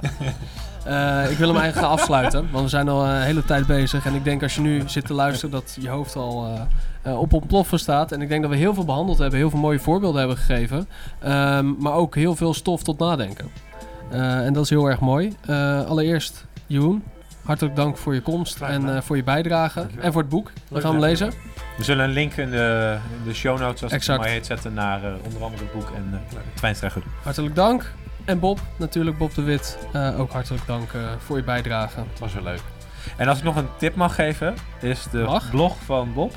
ik, heb er, ik heb me er kostelijk mee eh, vermaakt, als ik heel eerlijk ben. Hij heet Geachte meneer de rechter, deel 5.